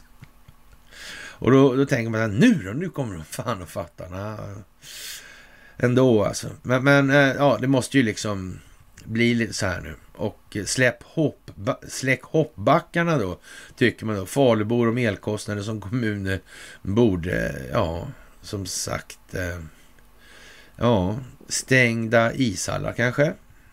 Skulle kunna vara något. Ja, det vet man ju inte faktiskt. Vad det här ska bli. Och eh, vi la upp en bild om rörlighet i axellederna. Vad fan gjorde vi det för? Därför att det där med rörlighet i axellederna alltså. Det är det stora problemet vid åldrandet i västvärlden. Det är det stora problemet i resten av världen också. Men man kan nog säga att eh, västvärldens befolkningar har en allt mer växande puckelrygg. Och det beror inte på överdriven rörlighet i axellederna, det är helt säkert. Puckelryggiga människor är väldigt dåliga på ryggsim, till exempel. Mm. Inte ens simmare är sådär eh, superrörliga i axlarna som man skulle kunna tänka sig. Gymnaster har en bra tendens i alla fall. Mm. Och behålla rörligheten. Det handlar om då, alltså säga, romboidernas muskler under skulderbladet. Det handlar om trapsen, då, eller trapeziusmuskeln. Det blir liksom myoser i de där. Det blir inflammationer. De där växer. Det är ju lite sådär. Vi har ju tendens att stretcha baklänges också sådär. Vi töjer alltid ut så vi borde faktiskt trycka ihop ibland också. Mm. Det är ju så. Det är slaglängden som gills. Det måste gå åt båda håll. Mm. Som sagt. Ja. Det där, ska man kunna, eller där kan man hålla låda om hur länge som helst. Men eh, jag har... Eh, ja, valt att nu börjar vi lite åt det hållet helt enkelt. För det är viktigt, mycket viktigare än man tror alltså. Och eh, i generationer, höll jag på att säga, har det varit stökigt i Iran. Men å andra sidan, man kan säga så här nu när eh, en hel generation revolterar mot eh, den iranska regimen så måste man ju ändå säga, vet de verkligen om då? Känner de till det här med Mossadegh? 1953. Var det Ajax det? Eller, ja, det var det va? Eller var det Kon? Ja, Ajax tror jag det var. Mm. Ja, samma gamla vanliga gäng. Gör revolution. Sätter dit shahen. Mm. 79 fick han gå. Då satte man dit Muller. Lyfter man på skägget mot mullen, under mullen så är det Made in City of London. Mm. Inget nytt under solen. Nej. Så, ja. När man från Irans sida nu säger att man kommer inte lyckas destabilisera Iran genom, Iran genom att sätta grupper mot varandra så vet man nog ungefär vad, det, vad man pratar om. Men frågan är vad den yngre generationen vet i de sammanhangen. Det är väl lite grann så. Mm. Det är ju lite så. Ja, de eh, protesterade pekar ut en utländsk regering som upprätthåller eh, dysfunktionella politiska system i andra länder så att den kan manipulera dem till sin fördel och sätter in proxymiliser som utsätter våld från Bagdad till Beirut mot dem som reser sig i opposition mot Irans mörka världsbild. Jag vet inte. Omvärlden har inte riktigt kommit fram då till Sverige i den frågan ännu. Det är ju så. Helt enkelt. Mm. Det tar lite tid här. Och eh, den amerikanska militärens rekrytering där, det går inte så där alltså. Och eh, man hade då, ja, 15 000 soldater eller 25 procent under sitt rekryteringsmål bekräftar tjänstemän nu alltså. Mm. Ja, det var ju lite sådär halvdåligt kanske. Som sagt, och, och, det kan man väl se som ett tecken på då att folkbildningen faktiskt biter nu. Det är inte så många som tror på det där på det viset alltså. Och som sagt, eh, det här med värdelagringskapaciteten och Kina, alltså det här i betalningsmedlet, det är ju vad det är helt enkelt. Och, och det här med att eh, ta det direkt dit och säga så här, vi måste ju ha transparens i det här systemet och vi måste ha en stat som är en stat, det vill säga vi, folk, vi befolkningen. Det är vad vi måste ha. Mm. Och så måste det här vara transparent så det går att se. Men det är ju det där att folk vill ju inte liksom... De vill ju skydda sitt liksom. Sådär. Och vi får väl se vilken tid det tar. Eh, men, och det är ungefär som det här med SEO där. Det kommer att ta tid alltså. Det här går inte direkt alltså. Och eh, som sagt, eh, Bull Durham, alltså, eller John Durham som han heter egentligen och han håller ju på med de här eh, utredningarna och vad FBI sysslar med, amerikanska justitiedepartementet och det här. Och, och det verkar, vara, verkar ju ha växt något fruktansvärt mycket alltså. Mm. Och sen sker den här utvecklingen då parallellt med Nord Stream och så vidare. Det rör på sig Iran, mm. Taiwan, mm. Ukraina. Mm. Numera fyra delstater mindre helt enkelt. Det är ju fantastiskt alltså. Ja, vi får väl se alltså. Och Göran Persson, ja, han är ju som han är alltså. Och, och ja, en spargris kan man väl säga om man vill vara lite snäll då. Och avskaffa lag om, diskri lag om diskriminering eftersom den exkluderar. Det här med positiv särbehandling är ju liksom rena skämtet. Och, och att Jomshof är tvungen att ta upp det här nu. Ja, samtidigt sitter polaren där i då, ja, utrikesnämnden och hyllar Joe Biden. Som är senildement så det räcker. Mm. Och mindre populär än någonsin. Ja. Jag vet inte om det här blir jävligt bra alltså. Jo, det blir jävligt bra, men ja. Det blir inte så mycket kvar av det gamla faktiskt.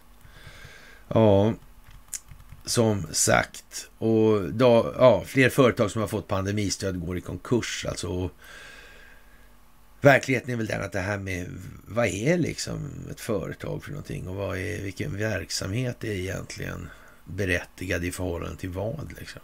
Mm. Hur mycket finansiell belastning ska en verksamhet tillåtas innebära för samhället? Mm.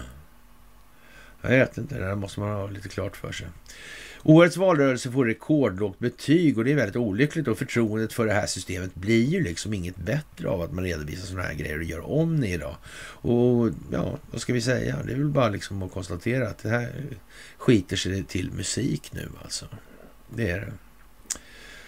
Svensk diplomat försöker ställa Putin inför rätt detta då. Och, och, och, det där är ju någonting så pinsamt så det liknar ingenting helt enkelt. Och svensk toppdiplomat har skrivit ett förslag till, till FN, en resolution som syftar till att ställa Vladimir Putin inför rätta då inför domstol och en krigstribunal då. Och den här eh, Hasse Corell då har ju varit med i den här svängen rätt länge.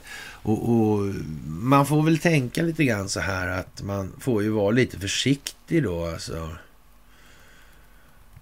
i förhållande till vad man önskar i det här läget. Det, det, känns ju som att det skulle kunna bli lite olyckligt om det här med i en geofensad miljö liksom och som sagt eh, det olagliga anfallskriget och, och krigsbrotten i Ukraina bedöms som mycket begränsade.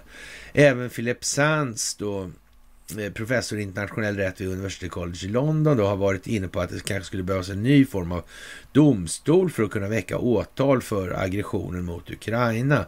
ICC har dock en lucka eftersom dess jurisdiktion ännu inte sträcker sig till brottet aggression som begås på Ukrainas territorium. Varför inte skapa en dedikerad internationell brottmålsdomstol för att utreda Putin och hans medhjälpare för detta brott? Skriver han i en artikel på ULCs hemsida. Ja, Eh, även om det förekommit fällande domar mot ryska soldater för krigsbrott i Ukraina är det viktigt för framtida domar att redan nu ta hänsyn till befälskedjan och huruvida en ledare godkänt ett illdåd aktivt såväl som passivt.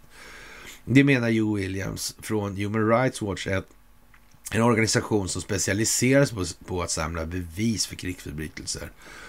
Och ja, befälhavare bör inse att underlåtenhet att vidta åtgärder mot mord och våldtäkt kan göra dem till personligen ansvariga för krigsförbrytelser som är en fråga om kommandoansvar, säger han till organisationens hemsida. Och det där är naturligtvis rena nyset alltså. Det, ja, men det, samtidigt är det inte det, därför att man får väl eh, tänka sig då att eh, det kanske är till och med så på så vis att Eh, man från rysk sida tycker det här är en ganska bra idé. Mm. Vi har nämligen på fötterna i alla de här frågorna. Vi har lagt ner en enorm tid och energi på att se till att täcka upp allt sånt här. Mm. Och då om de här företeelserna ändå de facto existerar, då är det ju någon annan. Och vem kan det då vara? Mm. Och om man då klarlägger befälskedjan i det, ja, då är det ju lite som det är med den saken. Ja. Då är det ju helt annorlunda. Mm. Så det skulle man nog kunna säga skulle kunna utgöra ett kvalificerat exempel på när man ska akta sig för att önska sådana där saker. Mm. Om man inte är väldigt säker på att man inte själv sitter på rätt sida av staketet. Ja, ja. ja. Det där är ju lite intressant måste man ju säga. Och eh, ja, det där är ju lite väsen om det då. Och det är fantastiskt såklart alltså. Det, det får man ju fan med säga alltså. Och, och som sagt, eh, ja, jag, tror, jag tror att eh, det där kommer ju eh, ganska så säkert och eh, inom kort i alla fall, att bli uppfattat som fan det där är farligt alltså. Det där vill vi inte ha. Så om man inte lyckas stoppa det där på en gång nu, och det där, då kommer några kommer ju tycka att, liksom, att det är en bra idé. Alltså. Så. Och, och, det är för sent då, om det går in och går så långt alltså. Ja, eh, vad ska man säga? ja, den ryska marinen kan området där Nord Streams gasledningar sprängdes utan och innan, säger tidigare överstelöjtnanten Rolf Lindén till Expressen. Alltså de gömde sig i det sprängda området. Alltså, ja, på den tiden. Så här, ja. Och det här med, med vad, vad men, de menar de egentligen i tidningarna när de försöker hålla på så här? Vad är det de försöker skapa för opinion? Mm. Hur krattar de manegen? Åt vilket håll helt enkelt? Som sagt, det är vad det är det här. Och eh, hög nivå eller låg nivå beror på hur man ser det alltså. Och ja, det är bara att mala på. Och eh, den här djupa staten, finns den ens? Alltså? Eller är det någonting som vi har fått på järnhinnorna hjärnhinnorna alltså? Och vi kan liksom inte bara sluta tjata om det. Det är inget viktigt i och för sig. Men ja, jag vet inte. Vi får väl se alltså. Och eh, Påven har visst paus nu från sin nya krislam och kärnvapenopinionsbildar istället nu. Och han vädjar till Putin och Zelensky i alla fall att de inte ska hålla på och bråka med kärnvapen och såna här prylar. Mm. Ja, ja, det kan man ju göra då. Och eh, som sagt, eh, porrstjärnor lämnade utan arbete under syfilisutbrott då. Och ja, vad tråkig historia för dem då. Ja. Så, jag vet inte. Det är speciellt alltså. Och ex-CIA-chef förut säger då att NATO skulle eh, tvärnita ryska ja, styrkor alltså. Det skulle bara bli rena promenadseger. Mm. Vet, är det seriöst det där eller? Jag är inte så säker på att jag tycker det faktiskt. Jag, jag, jag är nästan lite mer inne på att eh, det där går ut på att tala om för människor i allmänhet att det här är ett jävla gycklarspel. Alltså. Och David Petraeus är ju liksom ingen höjdare på det sättet moraliskt. Eller rättare sagt, man kan säga så här. Han, han, vet ju hur man ljuger och, och, och skäl och bedrar helt enkelt. Så. Och det kan han mycket väl göra nu också då. Så där. Och han vet minsann hur man skulle hämnas om Ryssland använde kärnvapen i Ukraina. Och, och, ja, jag vet inte. Var inte Petreus i, någonstans med Carl Bildt någon gång kanske? Eller var det inte han? Jag tror det var han faktiskt. Och, eh, och han erbjöd inga detaljer om det här skulle gå till alltså. Och ja, Eh, ja. Det, det, det, är lite sådär så folk måste ju snart börja ifrågasätta. Och det kryper bara närmare. Det blir bara allt mer uppenbart för var sekund som går nu helt enkelt. Och jag tror inte någon missar det här alltså på det viset alltså. Och ja, som sagt, Donald Trumps popularitet sveper över världen, säger då en medlem i den tyska församlingen som stiftar lagar alltså. Mm. Ja, och Tyskland, vad har de gjort egentligen? Det är konstigt. Som sagt, alltså det är mycket märkligt. Alltså. Ja, och efter det här äh, valet, mellanårsvalet, så kommer det ju bli jävligt annorlunda, milt uttryck. Och fram till dess kommer det också bli annorlunda. Ja. Och då måste saker sitta på plats. Alltså då kan man inte låta den djupa staten ha handlingsfrihet i Ryssland och Kina efter mellanårsvalet. Nej, det går inte. Och eh, det verkar som att eh, man eh, begraver sjöminer i Ryssland. Alltså konstigt. Ja. Som sagt, det här med att förstöra vapen, det verkar också vara en speciell grej. Det här med vårt eh, födoämnesintag, hur vi äter. Vilka födoämnen lämpar sig för den mänskliga metabolismen överhuvudtaget? Hur är det liksom i det här NPU-värdet, alltså nettoproteinutnyttjande? Är det en hög halt? Är det allena saliggörande? Liksom? protein i grönsaker och insekter. Det, Det är da shit liksom. Jag undrar varför, varför det är konstigt att vi vart som vi vart, eller blev som vi blev då. Att inte, ja. Vi består av samma sak liksom. Det där är konstigt. Konstigt som fan att inte naturen går på det där. På något vis. Och ja, det är högnivåsamtal mellan USA och Israel nu alltså. Och, och man är eh, bekymrad över då, det kinesiska inflytandet i de här sammanhangen. Och då undrar vi vän av ordning, kanske det är de här pengarna som Joe Bidens familj har fått av kineserna har. Eh, borde det vara en anledning till oro kanske? Eller vet inte israelerna om det här? Det gör de nog. Så det, det kryper på och det blir bara allt mer anspänt allting. Och ja, och USA kommer alltså eh, sanktionera länder som eh, då ja, stödjer den här uh, Ukraina-annekteringen då som, som har gjorts då. Mm. Det där är ju lite märkligt också. Mm. Ja, vad kan det här landa i egentligen?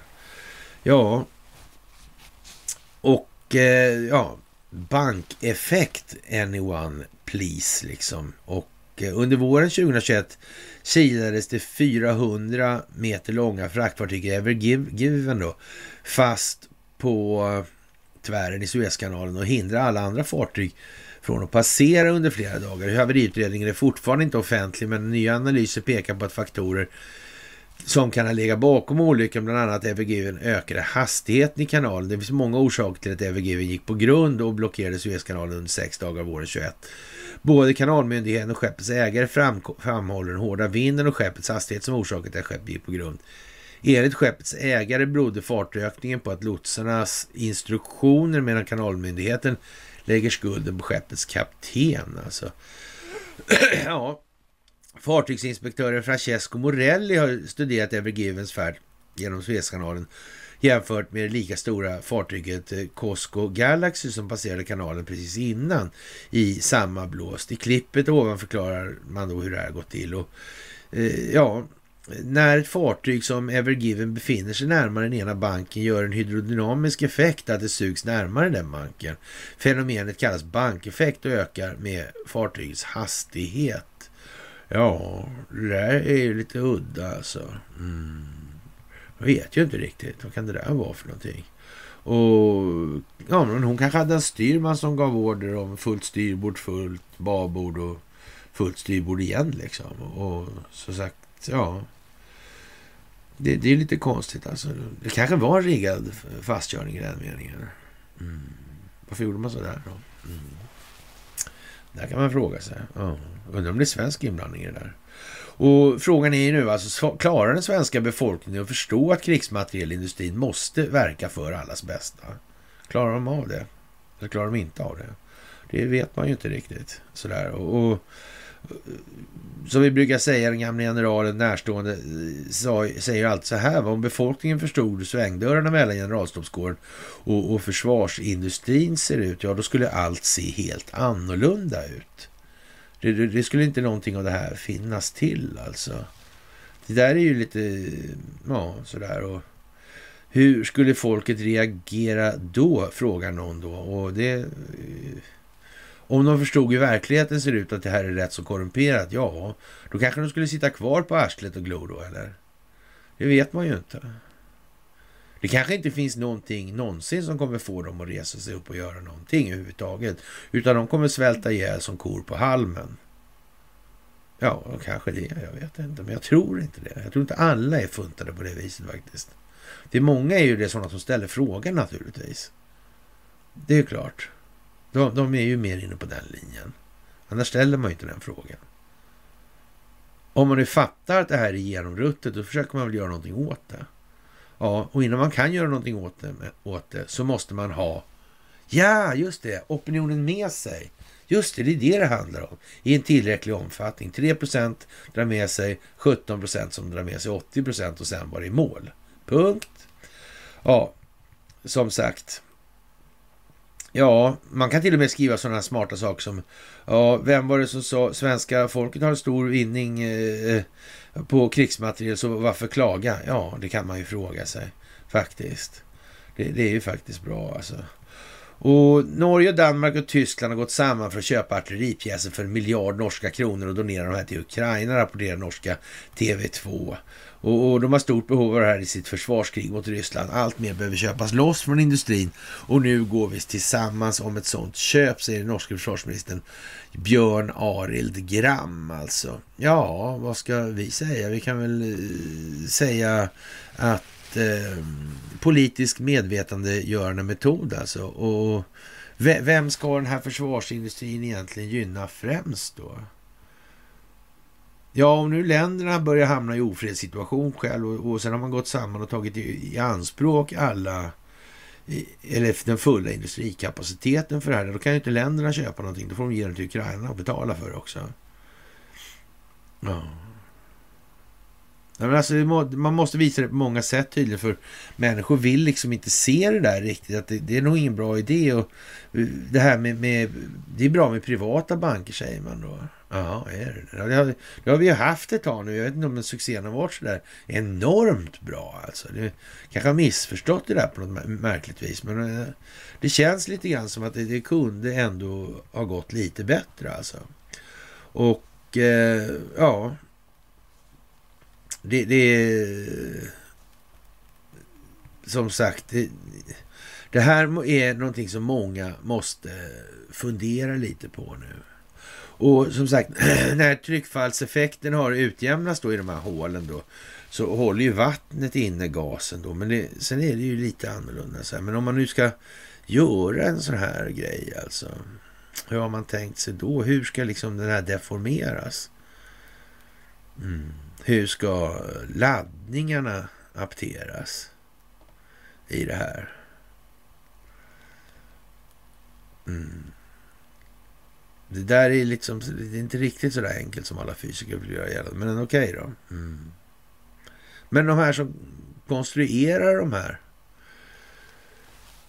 ja, anordningarna, anläggningarna. Vad tänkte de på då? De tänkte inte på det här. Ryssarna hade ingen idé om att det var där. De gömde ubåtar där var det så. Mm. Undrar vad de gömde ubåtar där för. Vad gjorde de med ubåtarna? Där låg där och gömde sig bara. Jaha.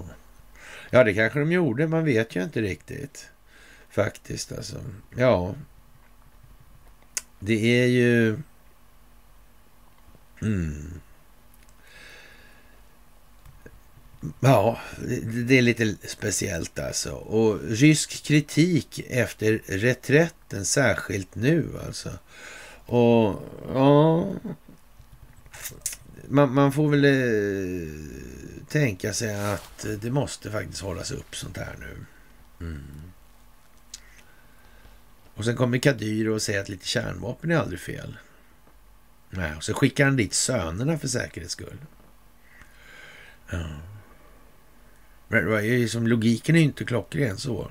Det måste, man måste vända och vrida lite på det här på något vis, verkar För att få ihop det. Ja. Igår så sa han att det skulle vara kärnvapen, idag så skickar han dit ungarna. Ja. Mm. Ja, om man är inte helt säker på att det här är i princip slut, så ja. Mm. Men det är som sagt det där med kärnvapen, vad är det för någonting alltså? De här strålningseffekterna. En tsunami av radioaktivitet kommer. Wow, wow, wow. Jaha. Jag vet inte. Ja, men alltså, å andra sidan så kan man ju vara rätt säker på att när man övar såna här, hade såna ABC-övningar på den tiden, eller rättare sagt för till och med när man gick i skolan och sådär, man skulle slängas under bänken och skydda, skydda mot radioaktivitet, eller man tog den gamla regnrocken till 59 där i invasionsförsvaret och slängde sig under och skydda mot radioaktiviteten. Nej, jag vet inte. Alltså, det, det, är klart att det är lite som det är. Och eh, Vladimir Putin har i alla fall undertecknat då fördrag om att inkludera de här fyra detta ukrainska regionerna i ryska federationen då. Och, och, och fredagens ceremoni markerar starten på den formella processen. och för deras anslutning. Och ja, vad ska vi säga? Det är ju som det är nu här och det, det blir liksom inte så mycket att diskutera kvar i den meningen heller. Och som sagt, Ålandsbanken är ju ett eh, litet kapitel för sig med Göran Persson och den här verksamheten ja, på Åland där ja. Mm. Det var den där han med, som hade Bill Clinton och där på besök, hade musikfestival och såna här grejer. Han har barnhem han också, vet du, på Grönland. Har han inte det? Är det något jävla mönster man känner igen? Nej, inte nej. Nej, jag vet inte faktiskt. Ja. Kunde rasa mot pågen mindre bröd i förpackningen, krympflationen slår till alltså. Och ja, vad ska man säga? Nord Stream 1 har ju slutat läcka nu, tack och lov alltså. Och nu är det ett stabilt tryck i ledningarna i förhållande till vattentrycket utanför som faktiskt gör att gasen inte strömmar ur då. då. Mm. Det skulle vara någon form av balans där kan man då teoretiskt sett tänka sig då. Mm. Ja, som sagt, vi lär bli varse om vi säger som så. Och dessutom är det då danska energistyrelsen och så vidare. Ja, det, nu är det vad det är helt enkelt. Och eh, vi har ju en rätt så diger vecka framför oss nu. Det ska man väl ha klart för sig i det här alltså. Och ja, bränslet är verkligen Westinghouse. Eh, ja, har fabrik och faktiskt huvudkontor i Västerås alltså. Och Westinghouse blev ju alltså enda leverantör av kärnbränsle. Vi kommer ihåg det från den 3 juni alltså. Och det här kärnbränsle, vad används det till egentligen? Mm. Vad gjorde de? Det var inte något konstigt det där med Tjernobyl. Den här sarkofagen. Vad gjorde man där inne för någonting? Ja, så vet man gjorde där inne. Ja, man, och jag frågade den här snubben som sålde. Ja, just det. De här, han sålde ju sådana där centrifuger och sånt skit i Iran. Ja, just det. Men han hade inte sålt några sådana jävla centrifuger och skit i Ukraina, sa han i alla fall. Nej, nej. Ja, jag vet inte. Konstigt, det är konstigt. Sådär. Coolio är död alltså och det är Gangsters Paradise och texten säger väl vad den säger i ljuset av verkligheten idag. Och, och, det är väl inte så mycket att, att tveka om att Karn hade koll på det där, hur det nu är med den här döden alltså. Och som sagt, eh, Ramzan Kadyrov vill alltså eh, sätta in kärnvapen i Ukraina. Och vad är den strategiska operativa effekten av användning av den här typen. Det, det, om man ska vara lite ärlig kan man ju säga så här. Det, det är ju liksom ett rent eh, trakasserivapen mot civilbefolkningen. Det är liksom ingenting annat. Så det där är ju redan nyset. Det spelar ju ingen som helst roll. Jag menar, eh, motviljan mot Ryssland kommer eh, så att säga knappast bli mindre av en jag kan väl fråga japanerna då om de blev så jävla mycket mer entusiastiska av det där tilltaget vid Hiroshima Nagasaki. Jag är inte så säker på det faktiskt. Jag är inte så säker på det. Det är jag inte. Och eh, ja, det finns ju mycket att prata om och Nigel Farage han tycker ju om att prata men jag vet inte. Redan då så var helt apropå i farten med Sverige, Sverige fosterland och det kan man ju faktiskt tänka på. Och det här med Ankdammen, Sverige och Vattenfestivalen och det här ankracet. Vad, vad fan var det där för någonting egentligen? Små gula ankor, ja. Och eh, som sagt, amerikanerna är i Finland och övar också. Sverige och Finland har ansökt om att komma med i NATO. Eh, Recep Tayyip Erdogan är sådär inte helt imponerad hela tiden i vart fall. Så kan vi säga. Ja, med det kära vänner, vi kan ju... Ja, amerikanska marinkåren kommer till Dragsvik över och övar tillsammans med Nylands brigad. Och, och, och, ja, det här är ju som sagt vad det är nu. Mm. Och vi kommer att få se en fantastisk tid nu. Och det gäller att hålla huvudet kallt. Alltså. Artig, kall och korten nära kroppen. Och ni ska som vanligt ha det allra, allra största och tack för det ni gör i det här. Ni är fantastiska. Och Det är fantastiskt att få göra det här tillsammans med er.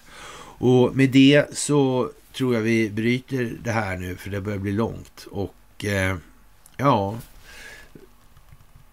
vi, det kan ju hända saker väldigt, väldigt snabbt nu. Alltså, för de här sakerna som vi sa tidigare, den djupa staten måste vara handlingsfrihetsbegränsad i Ryssland och i Kina i en tillräcklig omfattning när den eller ska säga, processen med F, eller efter då mellan årsvalet alltså tar vid. Alltså man ska förändra på allting som har stökats till. Och det är alltså ett par veckor bort. Så de här par veckorna dit, det är vad det är nu. Och det är Red October. Och med det så vill jag önska er en trevlig måndagkväll så hörs vi som allra senast på onsdag. Trevlig kväll.